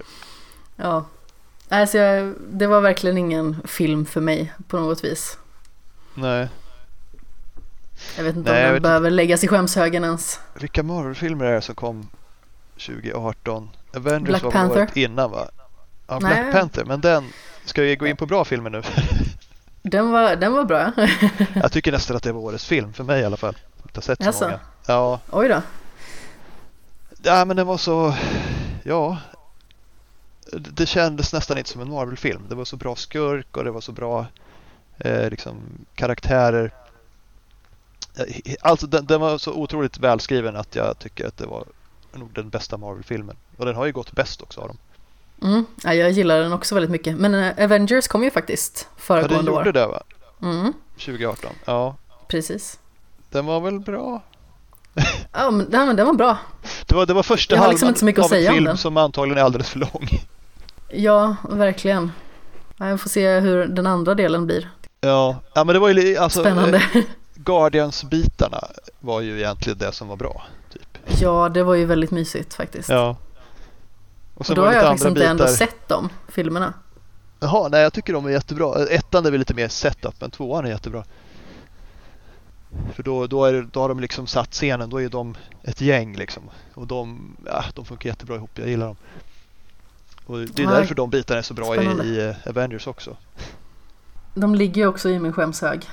Ja precis, det är ändå det vi pratar om.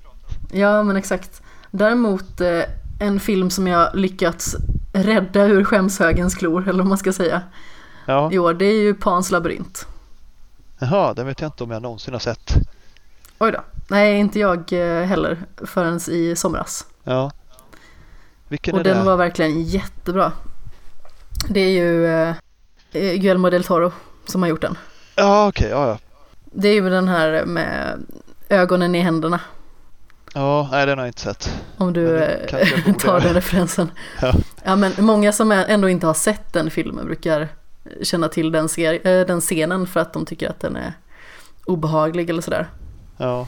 Men det handlar ju liksom om eh, ja, det diktaturstyrda Spanien, helt Ja. enkelt. Och en liten flicka som med sin mor tar tillflykt till ett hus tillsammans med mammans nya man. Aha. Pappan verkar vara avliden, eh, helt enkelt.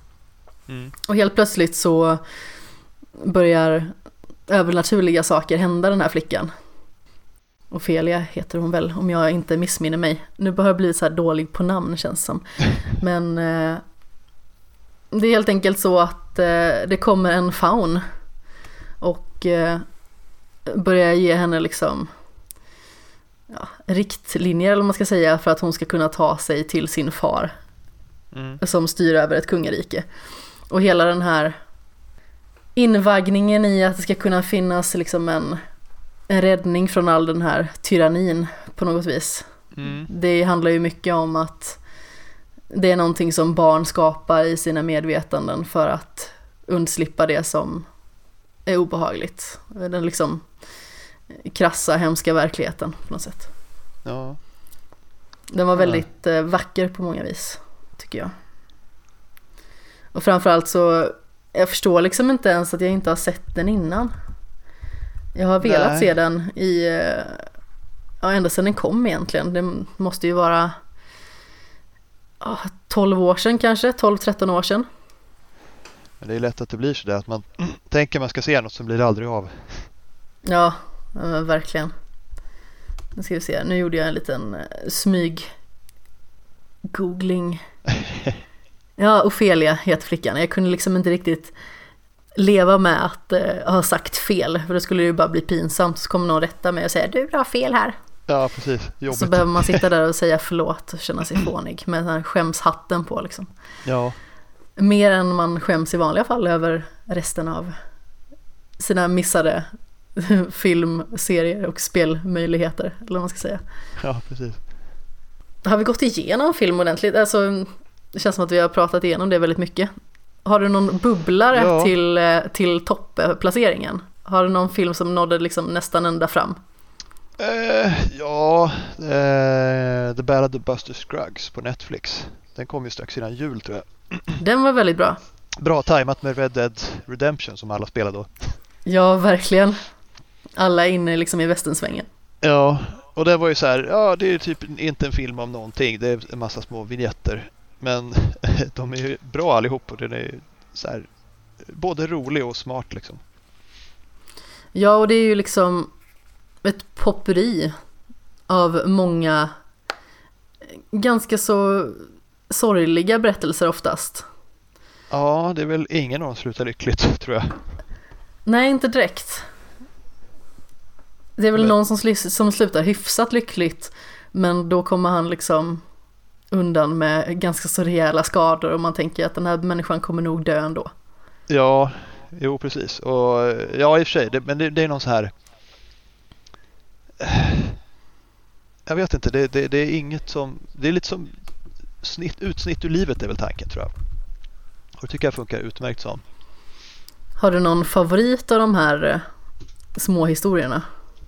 Ja, alltså själva Buster Scruggs historien är väl nästan den bästa med hans. Han är så, han är så övertygad om sin egen förträfflighet liksom. Det, det, han är ju helt underbar. Men, men jag vet inte, jag tycker nästan guldgrävarhistorien är den, den finaste. För det är liksom det är han och hans, hans åsna som, som gräver guld upp i bergen.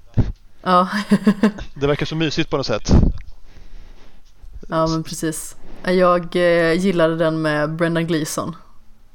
Ja, fast den var ju så, ja, den var ju så hemsk på så många sätt. Ja, men den är hemsk men den är, det är liksom morbid humor också. Ja, Jag gillar verkligen det. Jag tyckte att den var...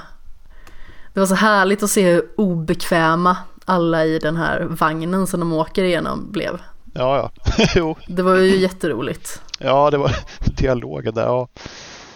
Men eh, Den med Liam Neeson och han som spelar Dudley i Harry Potter, som jag inte kommer ihåg vad han heter. åh, ja, den, Kommer du ihåg det, vilken Mats? ångest man fick av den. Ja, den var ju jättejobbig. ja, Åh. och, ja, jag vet inte, säger de ett enda ord till varandra? Det kanske är en spoiler i sig, men jag tror inte de pratar med varandra överhuvudtaget i hela den biten. Ja, det är mycket möjligt. Jag tror inte ens att jag tänkte på det. Det enda, ta, enda talet är liksom hans, eh, hans reciterande där tror jag. Ja, det handlar ju om en ung man som inte har armar eller ben. Ja, men som är väldigt bra på att tala liksom. Precis, han har verkligen, verkligen talets gåva. Ja. Så då blir han liksom uppsminkad och satt på en scen och så går eh, Liam Neeson runt och liksom tigger pengar av de som sitter och kollar på föreställningen och sen så skjutsar han runt Harry Mellings eh, karaktär. Ja, och det går sämre och sämre för varje ställe de kommer till. Ja, men exakt. Ja, det är väldigt ångestfyllt eh, faktiskt. Min favoritscen är ju bankrånaren på galgen. Som vänder sig till just killen det. bredvid och bara First time. Ja, jösses. Ja, bra film. ja, det är jättebra. Jag gillar Coen-bröderna också i och för sig. Jo, men det är ju en typisk Coen-film liksom. Man känner Ja, igen deras hantverk. Det är ju dels mörker och ångest men det är också den här svarta humorn som kommer. Ja, men det är lite, det är livet fast skruvat ett steg till liksom. Ja. Min eh, favoritfilm, eller det är så här, jag vet inte riktigt om det är min favoritfilm. Men det är en film som jag går till när någon frågar vilken min favoritfilm är. Ja, Och det är eh, No Country for Old Men. ja det är, men det är också lite samma sak liksom. Det är så här, det är, ja. Det har liksom ingen riktig handling och ingen riktigt slut, men det är ändå så här. Det är en bit av livet på något sätt. Exakt, och den är mörk som satan. Och Ja, ja. Javier Bardem har en frisyr som någon glömde. Ja, ja, nej, det, men jag tycker den är jättebra också. Ja, den är fantastisk. Hade du avverkat vilken årets film var? Ja, jag säger Black Panther tror jag. Du säger det? Ja, det kanske kommer någon bättre, men då har jag inte sett den. Jag säger eh, Three Billboards Outside Ebbing, Missouri. Det är många som har sagt det. Jag tror det kan du ha rätt i, men jag har inte sett den än. Den är riktigt bra. Jag- tänker att jag ska inte försöka spoila så jättemycket då, i och med att Ja. inte du har sett den. Det känns ju lite taskigt. Ja, Eh, eh, framförallt tycker jag ju att eh, det är väldigt många bra skådespelarprestationer. ja, Till exempel eh, Frances McDormand som eh, spelar huvudrollen som eh, den eh, sörjande och dessutom förbaskat frustrerande, frustrerade, nu la jag till ett N där i onödan, och upprörda moden. Hon eh, har ju blivit av med sin dotter som eh, blir våldtagen och mördad. ja, Och hon tycker inte att polisen gör tillräckligt bra jobb för att ja, hitta vem som har gjort det helt enkelt. Så hon hyr tre stycken eh, jättestora billboards. Och eh, sätter upp, enligt många, ganska upprörande text mm. på de här väldigt stora reklamskyltarna precis innan man kommer in i staden. ja, Och mycket handlar ju liksom om vad som händer med dem och vad som händer liksom i periferin med alla människor som blir inblandade och sådär. Och det är också Ja. sådär, det är ju jättemörkt, ångestfyllt och det är mycket liksom sorg och ond bråd död eller vad man ska säga. Men det är också ganska så mycket svart humor. ja nej, jag ska definitivt se den. Jag, Niklas pratar väldigt varmt om den också. Så Ja, det kanske han har gjort. Jag har inte tänkt på det ens. jag tror han hade en sån här Oscars-genomgång och den var med där för mig. Jaha, Men, ja eh, just det. Ja, det var Ja, länge den, sedan. den ska jag börja definitivt se, men jag har inte gjort det så jag kan inte säga att den är det bästa. Den är riktigt suverän faktiskt. Ja. Jag tror jag hoppade över min bubblare innan. Alltså, vilken var det? Eller vilken är det? Bra jobbat, programledarsten här. Eh, min bubblare var The Shape of Water. Jaha, den har jag inte heller sett. Det var så Så, här, ännu mer Guillermo del Toro. Ja, jag hade tänkt se den men det blev inte av. Jag vet inte varför. Men... Det som The Shape of Water och Pans labyrint har gemensamt egentligen det är ju att det är väldigt vackra filmer. De Ja. är estetiskt tilltalande och de är väldigt stämningsfulla hela vägen igenom. Ja, Det skapar en, en stämning som man liksom flyter med i, no pun intended. ja, Allting är så suveränt i hantverket verkligen. Och sen så gillar jag i The Shape of Water att det finns så många intressanta element. Alltså vi har ju eh, huvudkaraktären som är stum till exempel. ja, just det. Och hur hon börjar, ja, höll på att säga connecta, var, var lite. Hon, hon börjar få kontakt med en, eh, en vattenlevande varelse som folk ser på som ett monster. Ja. Men som hon eh, börjar bli vän med och som hon sedan räddar. ja, ja. Så den är, den är väldigt fin på många sätt. Och den är ju precis som i Pans labyrint också väldigt mörk. Det finns ju många liksom svårhanterliga sidospår. Mm. Det verkar vara ett, eh, en röd tråd här att jag gillar mörka saker. ja, lite grann va? Och det gör i och för sig också, men jag har ju försökt se lite mera upbeat grejer. Jag fick eh, den kommentaren så sent som förra veckan. Bara, ah, du gillar bara sådana deppiga saker, du gillar inte lyckliga slut. Vi såg på La La Land och eh, jag tycker att slutet är väldigt bra. Ja, ah, men det var ju... Gillar du det för att det är olyckligt? Ja. Ja, det gör jag. Jaha, Man kanske gillar det för att det är bra, så råkar det vara olyckligt. Men ja, men jag tycker väl att det är ganska så intressant oftast när saker slutar olyckligt. mm. Så att det liksom inte blir hej och hopp på sommarängen. Och att allting är fantastiskt och glädjefyllt. Men det känns lite som gamla eh, 80-tals Hollywood liksom. Allt ska sluta lyckligt. Ja, och helst så ska alla ställa sig upp och applådera i slutet. Ja, det är ju Ja, inte jag riktigt tycker att det är så riktigt. jobbigt. Jag tycker det är så beklämmande att se på. Jag inte, det är inte det att jag inte gillar roliga, glada, bra saker. Men det måste göras så ofantligt mycket bättre för att det ska lämna något avtryck. Ja, Tycker jag i alla fall. jo men det är klart. Det är mycket svårare att göra bra komedier än att göra bra tragedier eller så Ja. någonting annat i princip. Ja, med det sagt ska vi gå vidare till, jag vet inte om det är mer depp. Jag vet inte. Vår sista tredjedel då. Precis. Dags för lite spel då.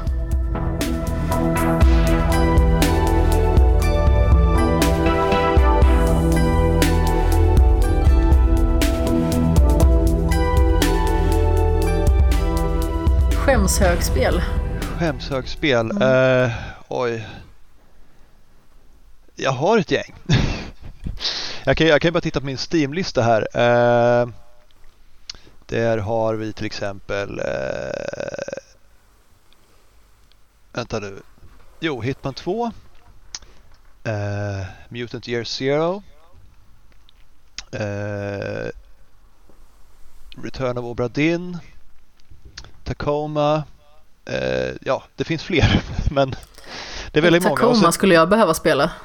Ja, jag vill spela alla de här, men det är så många som jag inte riktigt haft tid med. Och sen det är så lätt att sätta sig med någonting som man vet att ah, men det här kan jag spela i en halvtimme. Så kan jag gå till jobbet sen som Farming Sim eller något. Jag tycker det är skönt med korta spel. Ja, det är ju det. Men sam- eller spel som man kan spela i korta snuttar. Alltså som är lätta att plocka upp och bara köra ett litet uppdrag och sen så kan man kajka vidare igen. Ja. Men eh, ja, sen har jag ju Spider-Man såklart och eh, Horizon Zero Dawn på PS4 som jag inte heller Ja. har tagit an än. Men har köpt så de ligger där och stirrar på mig anklagande varje gång jag startar den. Ja, eller hur? Visst är det jobbigt om man bara, ah, fasen också, inte ni igen. Ja, och jag bara, ja men jag kanske ska börja med Spider-Man fast Känns som att man är Kanske- skyldig någon pengar liksom. ja, men jag kanske ska flå lite djur i Red Dead först. Jag är visserligen klar med det, men det är mysigt. Ja, jösses. Nej, men man behöver båda de här spelen i sitt liv. Ja, det gör man. Tycker jag. Jag, har sett fram De är emot dem, fantastiska. sett fram emot dem jättelänge och kommer ju att spela dem, men än så länge är de på skämshögen. Ja, ja, de får ligga där tills du känner dig manad. Ja, Men du har i alla fall köpt dem och det är ju ett framsteg. Ja, ja. ja men när jag har en, en ledig dag och inte har något för mig så kommer jag nog att ta ett av dem i alla fall och börja på.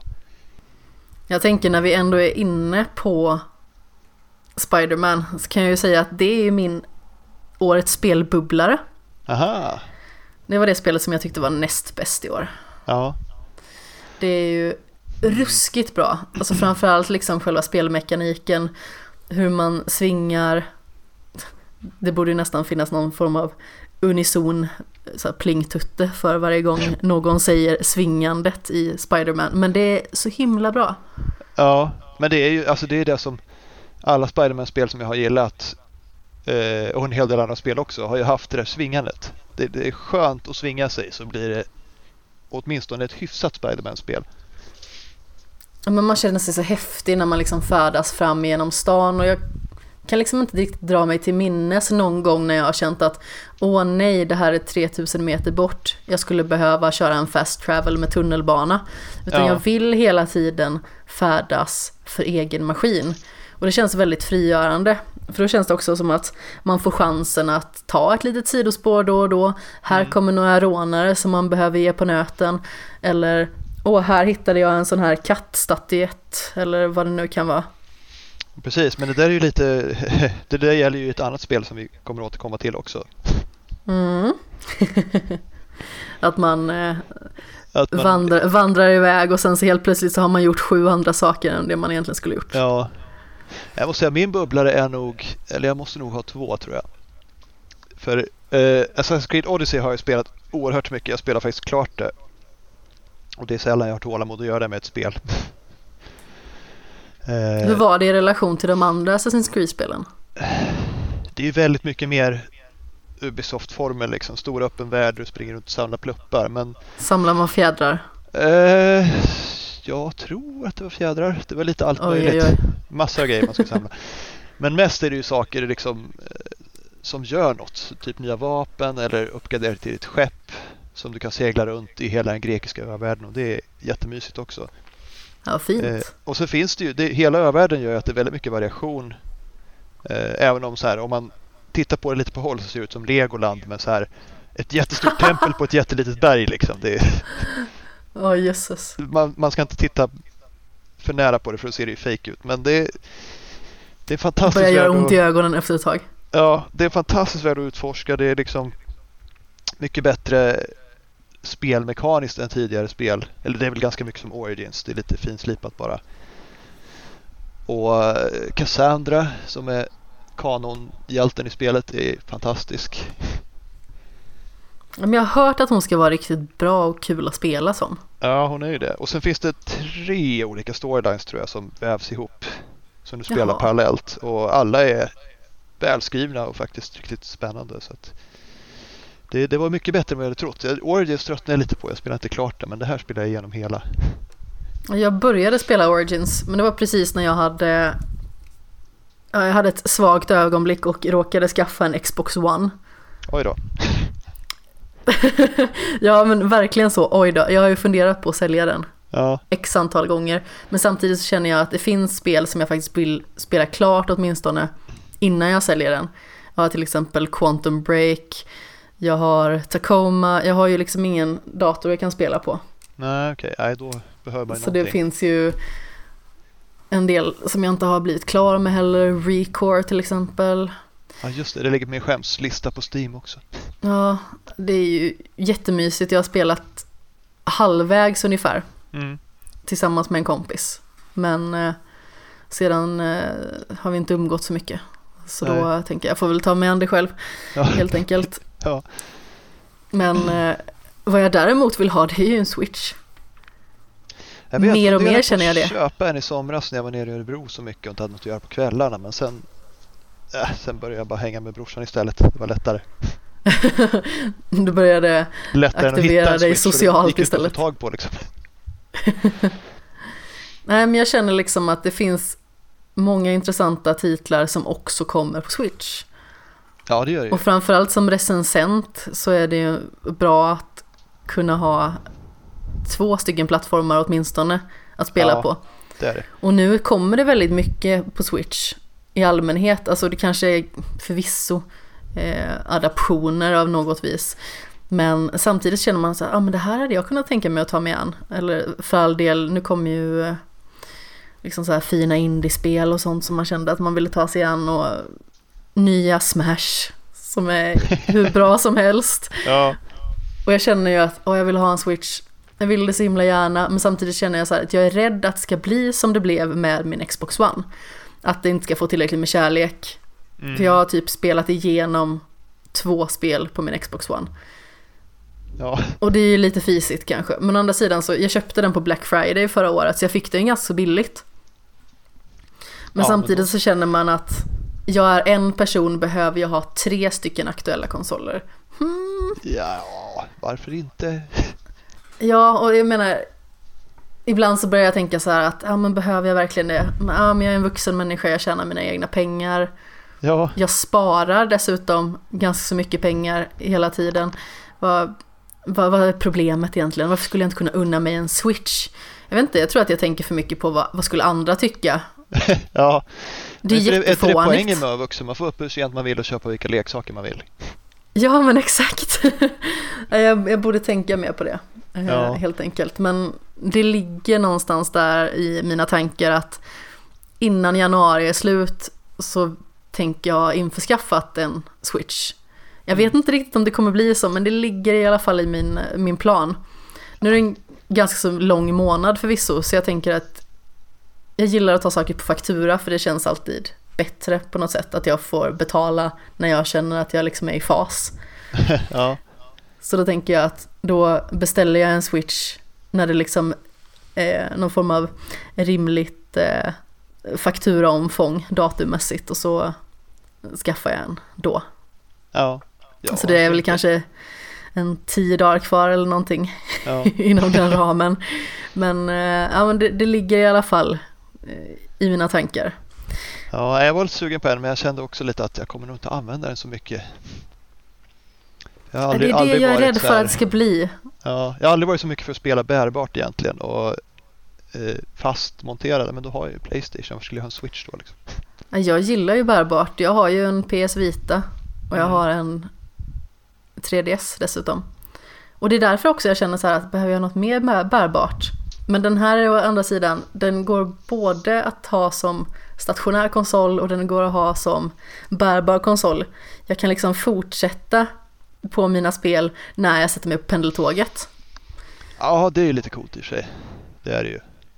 Och det känns också fint. Ja, Ja, jag får se hur jag, hur jag gör med det här. Det är lite dilemma jag har faktiskt. Alltså det låter ju så himla fånigt när man tänker på det. Att så här, ja men ska man inte kunna skaffa en ytterligare en konsol utan att det ska kännas som att man typ badar i konsoler på något sätt. ja, Men samtidigt så, ja, jag måste verkligen väga Kommer jag ha tillräckligt med spel som jag vill spela på den här konsolen för att det ska kännas värt det? mm. Jag får med Tobias som var här förra veckan, han brukar ha typ så här att du ska ha fem spel på en konsol som du verkligen vill spela och ta dig an för att den ska kännas legitim att köpa. ja, det låter ju rimligt i och för sig. Mm, så jag kanske borde göra en sån lista. Ja, Jag får med att det var så han gjorde med sin PS4 eller någonting i den stilen. ja, Kan vara att jag minns hur fel som helst. Förlåt i så fall Tobbe. Eh, just det, på tal om Tobbe. Eh, det var ju faktiskt årets skämshögspel för mig. Som Ja. jag spelade med Tobbe. Vi streamade Ori and the Blind Forest ihop. Det tog Ah, 13 okej. timmar ungefär. Ja. I rad. Hade men lite ont i då har rumpan du spelat sen. det? Ja, jo, Eller du menar, ja, men, du menar ett spel från din skämshög som du har tagit dig an? Yes, Ja, okej. exakt. Det är lite det som är min, min tanke där. ja. Eh, nej men så det spelade jag igenom. Och det, det var fantastiskt fint också. Ja. Men jag måste eh, säga, jag har ju spelat oerhört mycket Farming Sim 19. Eh, så det borde typ vara på min lista. Men det är så här. Det är ett bra tidsfördriv och det är inte ett bra spel egentligen. Men, eh, men, men är det verkligen inte ett bra spel om du gillar det så mycket då? Ja, det är det väl på sätt och vis. Men det är liksom inte... eh, Det är återigen en nästan sån inte ett spel grej. i, klassisk mening. Det är mer som en leksak. Liksom, som, en stresskub eller någonting. Ja, nej, men det känns som att det blir det inte lite den här tanken att ja men alla andra tycker inte att det är ett spel liksom värt att höja till skyarna. Ja, det är ju nej, ändå men din lite men, men jag subjektiva tycker- åsikt någonstans som, som jag räknas. tycker att det är jättebra men, eh, men det känns Ja, inte men som att det precis. liksom, jag får inte ut samma sak av det som jag får av till exempel eh, Assassin's Creed eller någonting annat. Nej men du får ju utlopp för andra faktorer å andra sidan. Ja, Jag får ju Men- inte ut samma sak av att spela eh, valfritt eh, typ actionspel såsom Spider-Man eller Batman som jag får av att spela The Sims i 12 timmar i sträck. Nej, det är, Farming Sim är väl egentligen samma sak som The Sims. Det är liksom Tiden går, man gör saker, det finns liksom inget riktigt mål eller mening men, men det är mysigt liksom. Det... Ja, men man får bara trivas. Ja, precis. Vi pratade om det lite så förra veckan att det är svårt att nu för tiden inte ha ett syfte med någonting. Ja, På det är något kanske vis. är därför man skäms lite över sådana här spel för att det, liksom, det känns inte som man gör något. Ja, Men men så här, kon- konsten att inte behöva eh, tänka på att ja, men det här ska- är någonting som jag ska bocka av i någon lista någonstans som jag har mentalt. ja, ja men bara liksom släppa loss och slappna av lite och inte liksom alltid känna att man måste göra något. Att det måste leda någonstans. Ja, jag har börjat göra så mer med att jag sätter mig och ritar istället så kanske jag har på en bok i bakgrunden eller någonting. Ja, Då känns det för som att det jag gör lite Då blandat. blir du bättre på det.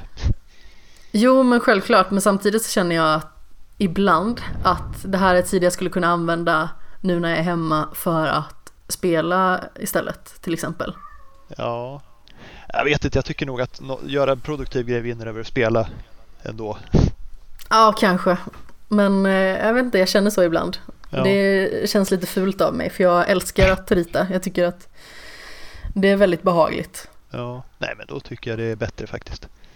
Mm. Men jag måste nämna Subnautica också. Ja, Det vad är släpptes ju inspelat? äntligen i år. Eh, Det har ju varit early access hur länge som helst. Jag har ju spelat massa olika versioner men i år släpptes det. Hur var det då? eh, Det, det är så himla mysigt. Det är en kombination av en sandlåda och ett storydrivet spel. Du kan ju hitta en story i sandlådan. Liksom. Eh, I korthet ett svärvelspel där du kraschar på en planet som är till 99% täckt av vatten och du måste liksom leta resurser under vattnet med allt vad det innebär av så här begränsad tillgång till luft och, och klaustrofobi i vrak som man söker igenom och så här. Så det, det är inte ett spel man ska spela om man är rädd för vatten. Nej, eh, det är lite som Absu, man ska liksom inte Ja, gå, in på djupet i någonting om man tycker att det är obehagligt. ja men eh, det är oerhört mysigt och stämningsfullt. Alltså, första gången man doppar huvudet under ytan så känns det verkligen som man är där i det här tropiska havet. Vad häftigt. Det, och det är vackert också, även om det är lite poppins, men det glömmer man efter ett tag. Och det är man, man åker runt där, man hittar små story-snuttar, man bygger sin ubåt. Eh, för att bygga en plattform så man kan skjuta en raket någonstans så man kan komma därifrån. Liksom. Eh, och samtidigt upptäcker man liksom mer och mer vad som händer på planeten, varför eh, djurlivet är så konstigt som det är och så här. Så det är ett spel som funkar på flera plan. Det är ett jättemysigt survival-spel och det är en rätt välskriven story som är kul att upptäcka. Liksom. Okej. Men årets Så- bästa spel då? Vilket är det? det måste ju vara eh, Red Dead Redemption 2. Men Du tycker det? För det är... Ja... alltså jag ju som sagt blivit mer och mer benägen att gråta när det händer sorgliga saker med stigande ålder. Men alltså Jag gillar hur du nästan så här spelet- darrar lite på rösten där. Ja, men jag kommer att tänka, jag kommer att tänka på... Ska vi, ska vi spoila? Jag vet inte. Gör det. Eh, ja, men jag kommer att tänka på Arthur liksom. och det var så här, ja men vad fan, jag tillbringar, jag vet, det går inte att se hur lång tid man har spelat på Playstation, men jag tillbringar ju säkert en månad med det här spelet. Ja. Bara spela några timmar här och var, men ändå det tog en månad för mig att klara av det. Och det var så mycket tid med Arthur, det blev ju som att ha en kompis och sen dör han. Det, Ja. det, det är så hemskt. Ja, det är faktiskt riktigt jobbigt. Ja, sen är det ju mer att spela efter det och det är också jättebra men ändå liksom Arthurs död är ju verkligen en av de stora tragedierna i spelhistorien tycker jag. En av de mest välskrivna. Eh, Ja, men det är så tungt när man känner att man har verkligen fått en relation till en karaktär och sen helt plötsligt försvinner den. Ja, men det coola är att sen får du ju gå runt som en annan karaktär och liksom se världen ur hans ögon och se liksom i många fall stöta på folk som Arthur har hjälpt eller inte och, och liksom se världen, ja, se hur han påverkade världen liksom. Så det blir som någon slags postscriptum. Ja, men det är häftigt. Det är jättefint. Alla karaktärerna är jättebra.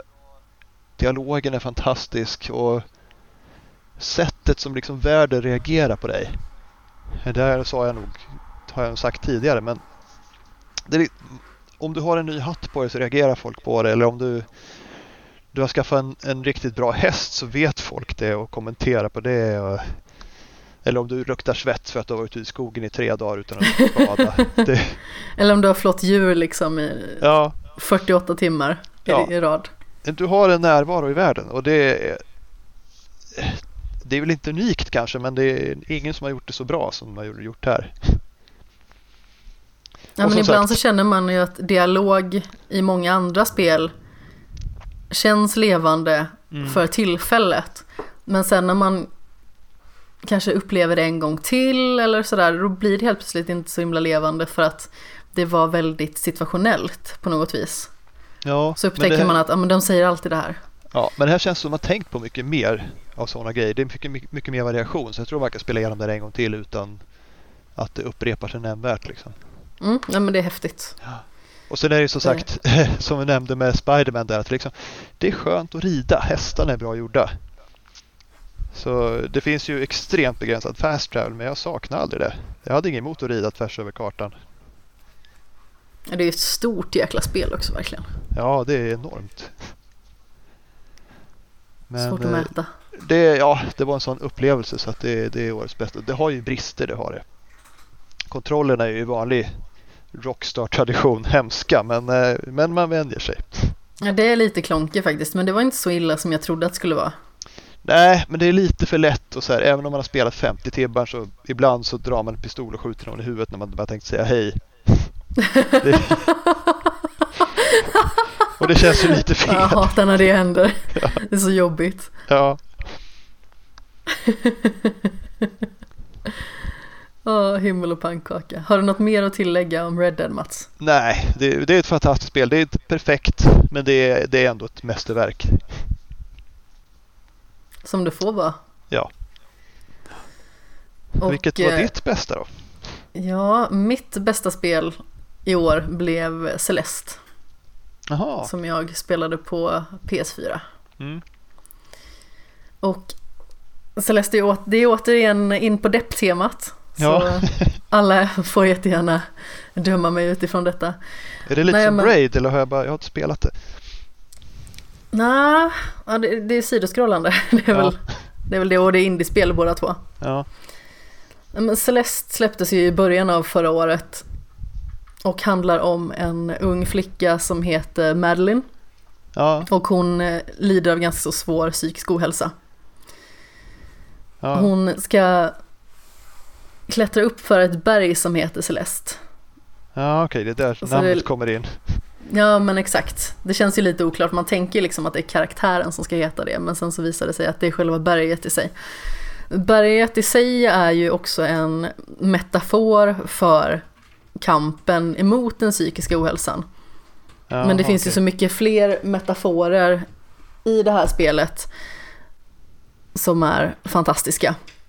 Ja. Och det är ju helt enkelt de faktum att svårighetsgraden som det här spelet besitter, det hamnar så mycket i linje med alltså, hur känslan ska vara.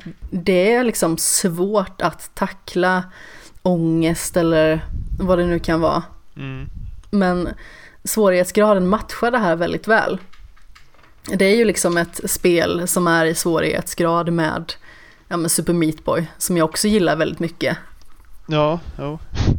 Det är svårt men det finns ju också den faktorn att man kan ställa in sina inställningar och göra det lättare. Man kan eh, så här, skräddarsy sina, sin spelupplevelse lite grann. Så vill man ha det svårare så kan man göra det svårare, vill man ha det lättare så kan man göra det lättare. Och det var ju faktiskt en sån infallsvinkel som man också kan tänka på att det kan vara väldigt tufft att må så här dåligt, men det är också okej att be om hjälp. Mm. Man behöver liksom inte gå den här vägen ensam. Man kan ta hjälp någonstans ifrån för att kunna ta sig vidare. Mm. Och man får verkligen den känslan hela vägen igenom också att man stöter konstant på nya hinder, man faller ner, man får börja om. Men sedan så lär man sig någonting av det hela tiden och man kommer närmare och närmare en lösning. Det är ju verkligen så här, det är ett nötarspel, man behöver envishet. Mm. Men det är ju också i liksom eh, parallellt seende med berättelsen om hur hon liksom tacklar sina inre demoner. Och det är ju väldigt snyggt också att alltså hennes största antagonist det är ju en annan version av henne själv. Ja, såklart. Ja, nej, det där låter ju intressant och bekant. Jag har ju haft lite problem med depression och ångest. Ja, jag har också haft eh, ganska så besvärliga ångestperioder. Ja. Och jag tycker att det här spelet träffade mig verkligen rätt. I den Men det var aspekten. liksom jag, på, ett, på ett bra sätt. Det är inte så här att man liksom blir triggad av det. nej, det skulle jag inte säga. Utan det är mer Nej. liksom en igenkänningsfaktor. Att man känner med Madeline. Att men man vet hur det känns. Ja. Men man vet också att om man har lyckats ta sig ur liksom, de här besvärliga perioderna och kunnat delvis i alla fall lägga dem bakom sig ja. och har lyckats jobba med sig själv. Så ja, men man kan utnyttja det i spelet på något sätt. ja. att Jo, att man alla- sätter envisheten det- till. Alla har väl det där berget mer eller mindre grad. Men om man börjar klättra så brukar det bli bättre. Ja. Och det är ju det är fantastiskt fint på alla sätt. Det är suverän musik, den är väldigt liksom passande i de olika typerna av moment i spelet. Det är väldigt fint att titta på också, alltså det är ju ändå en ganska simpel stil. Mm. Men eh, jag gillar hur det ser ut, det är väldigt tilltalande. Och jag gillar också att den här retroskimrande indie-genren har liksom fått en ny dimension på något sätt. Det är inte bara du hoppar, skjuter, springer eller vad det nu kan vara som man oftast gör. Alltså Ja. ta typ Super Meat Boy, det är ju ett fantastiskt spel. Det är ju så många faktorer som måste klaffa för att man ska klara en bana i det spelet. ja, jag har aldrig orkat spela det. Jag är lite tillräckligt mycket självplågare tror jag. Ja, nej, jag- är väl en självplågare i så fall. Jag har spelat igenom det. Ja. Men det är liksom en, en ny charm till det hela. Att det är inte bara det här svåra för att göra det svårt. Utan det finns en tanke bakom det hela.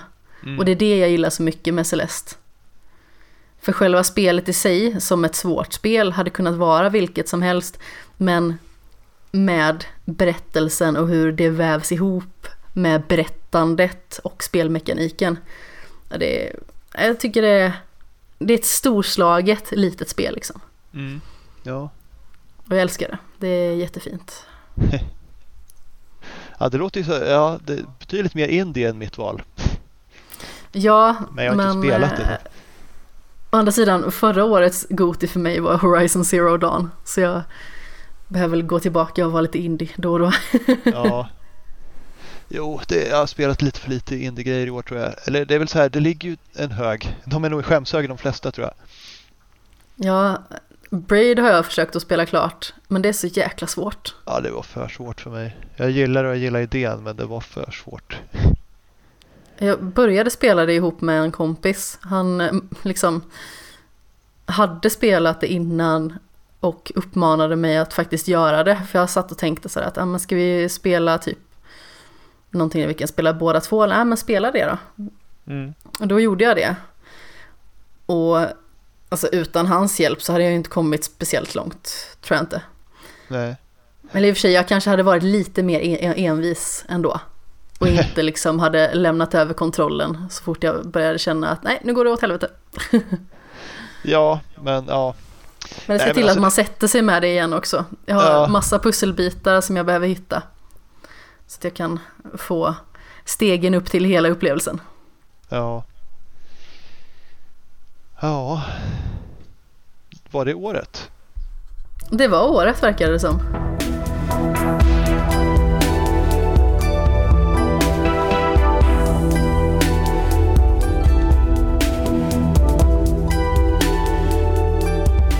Vart hittar man dig Mats? Eh, ja, man hittar mig på jobbet för det mesta.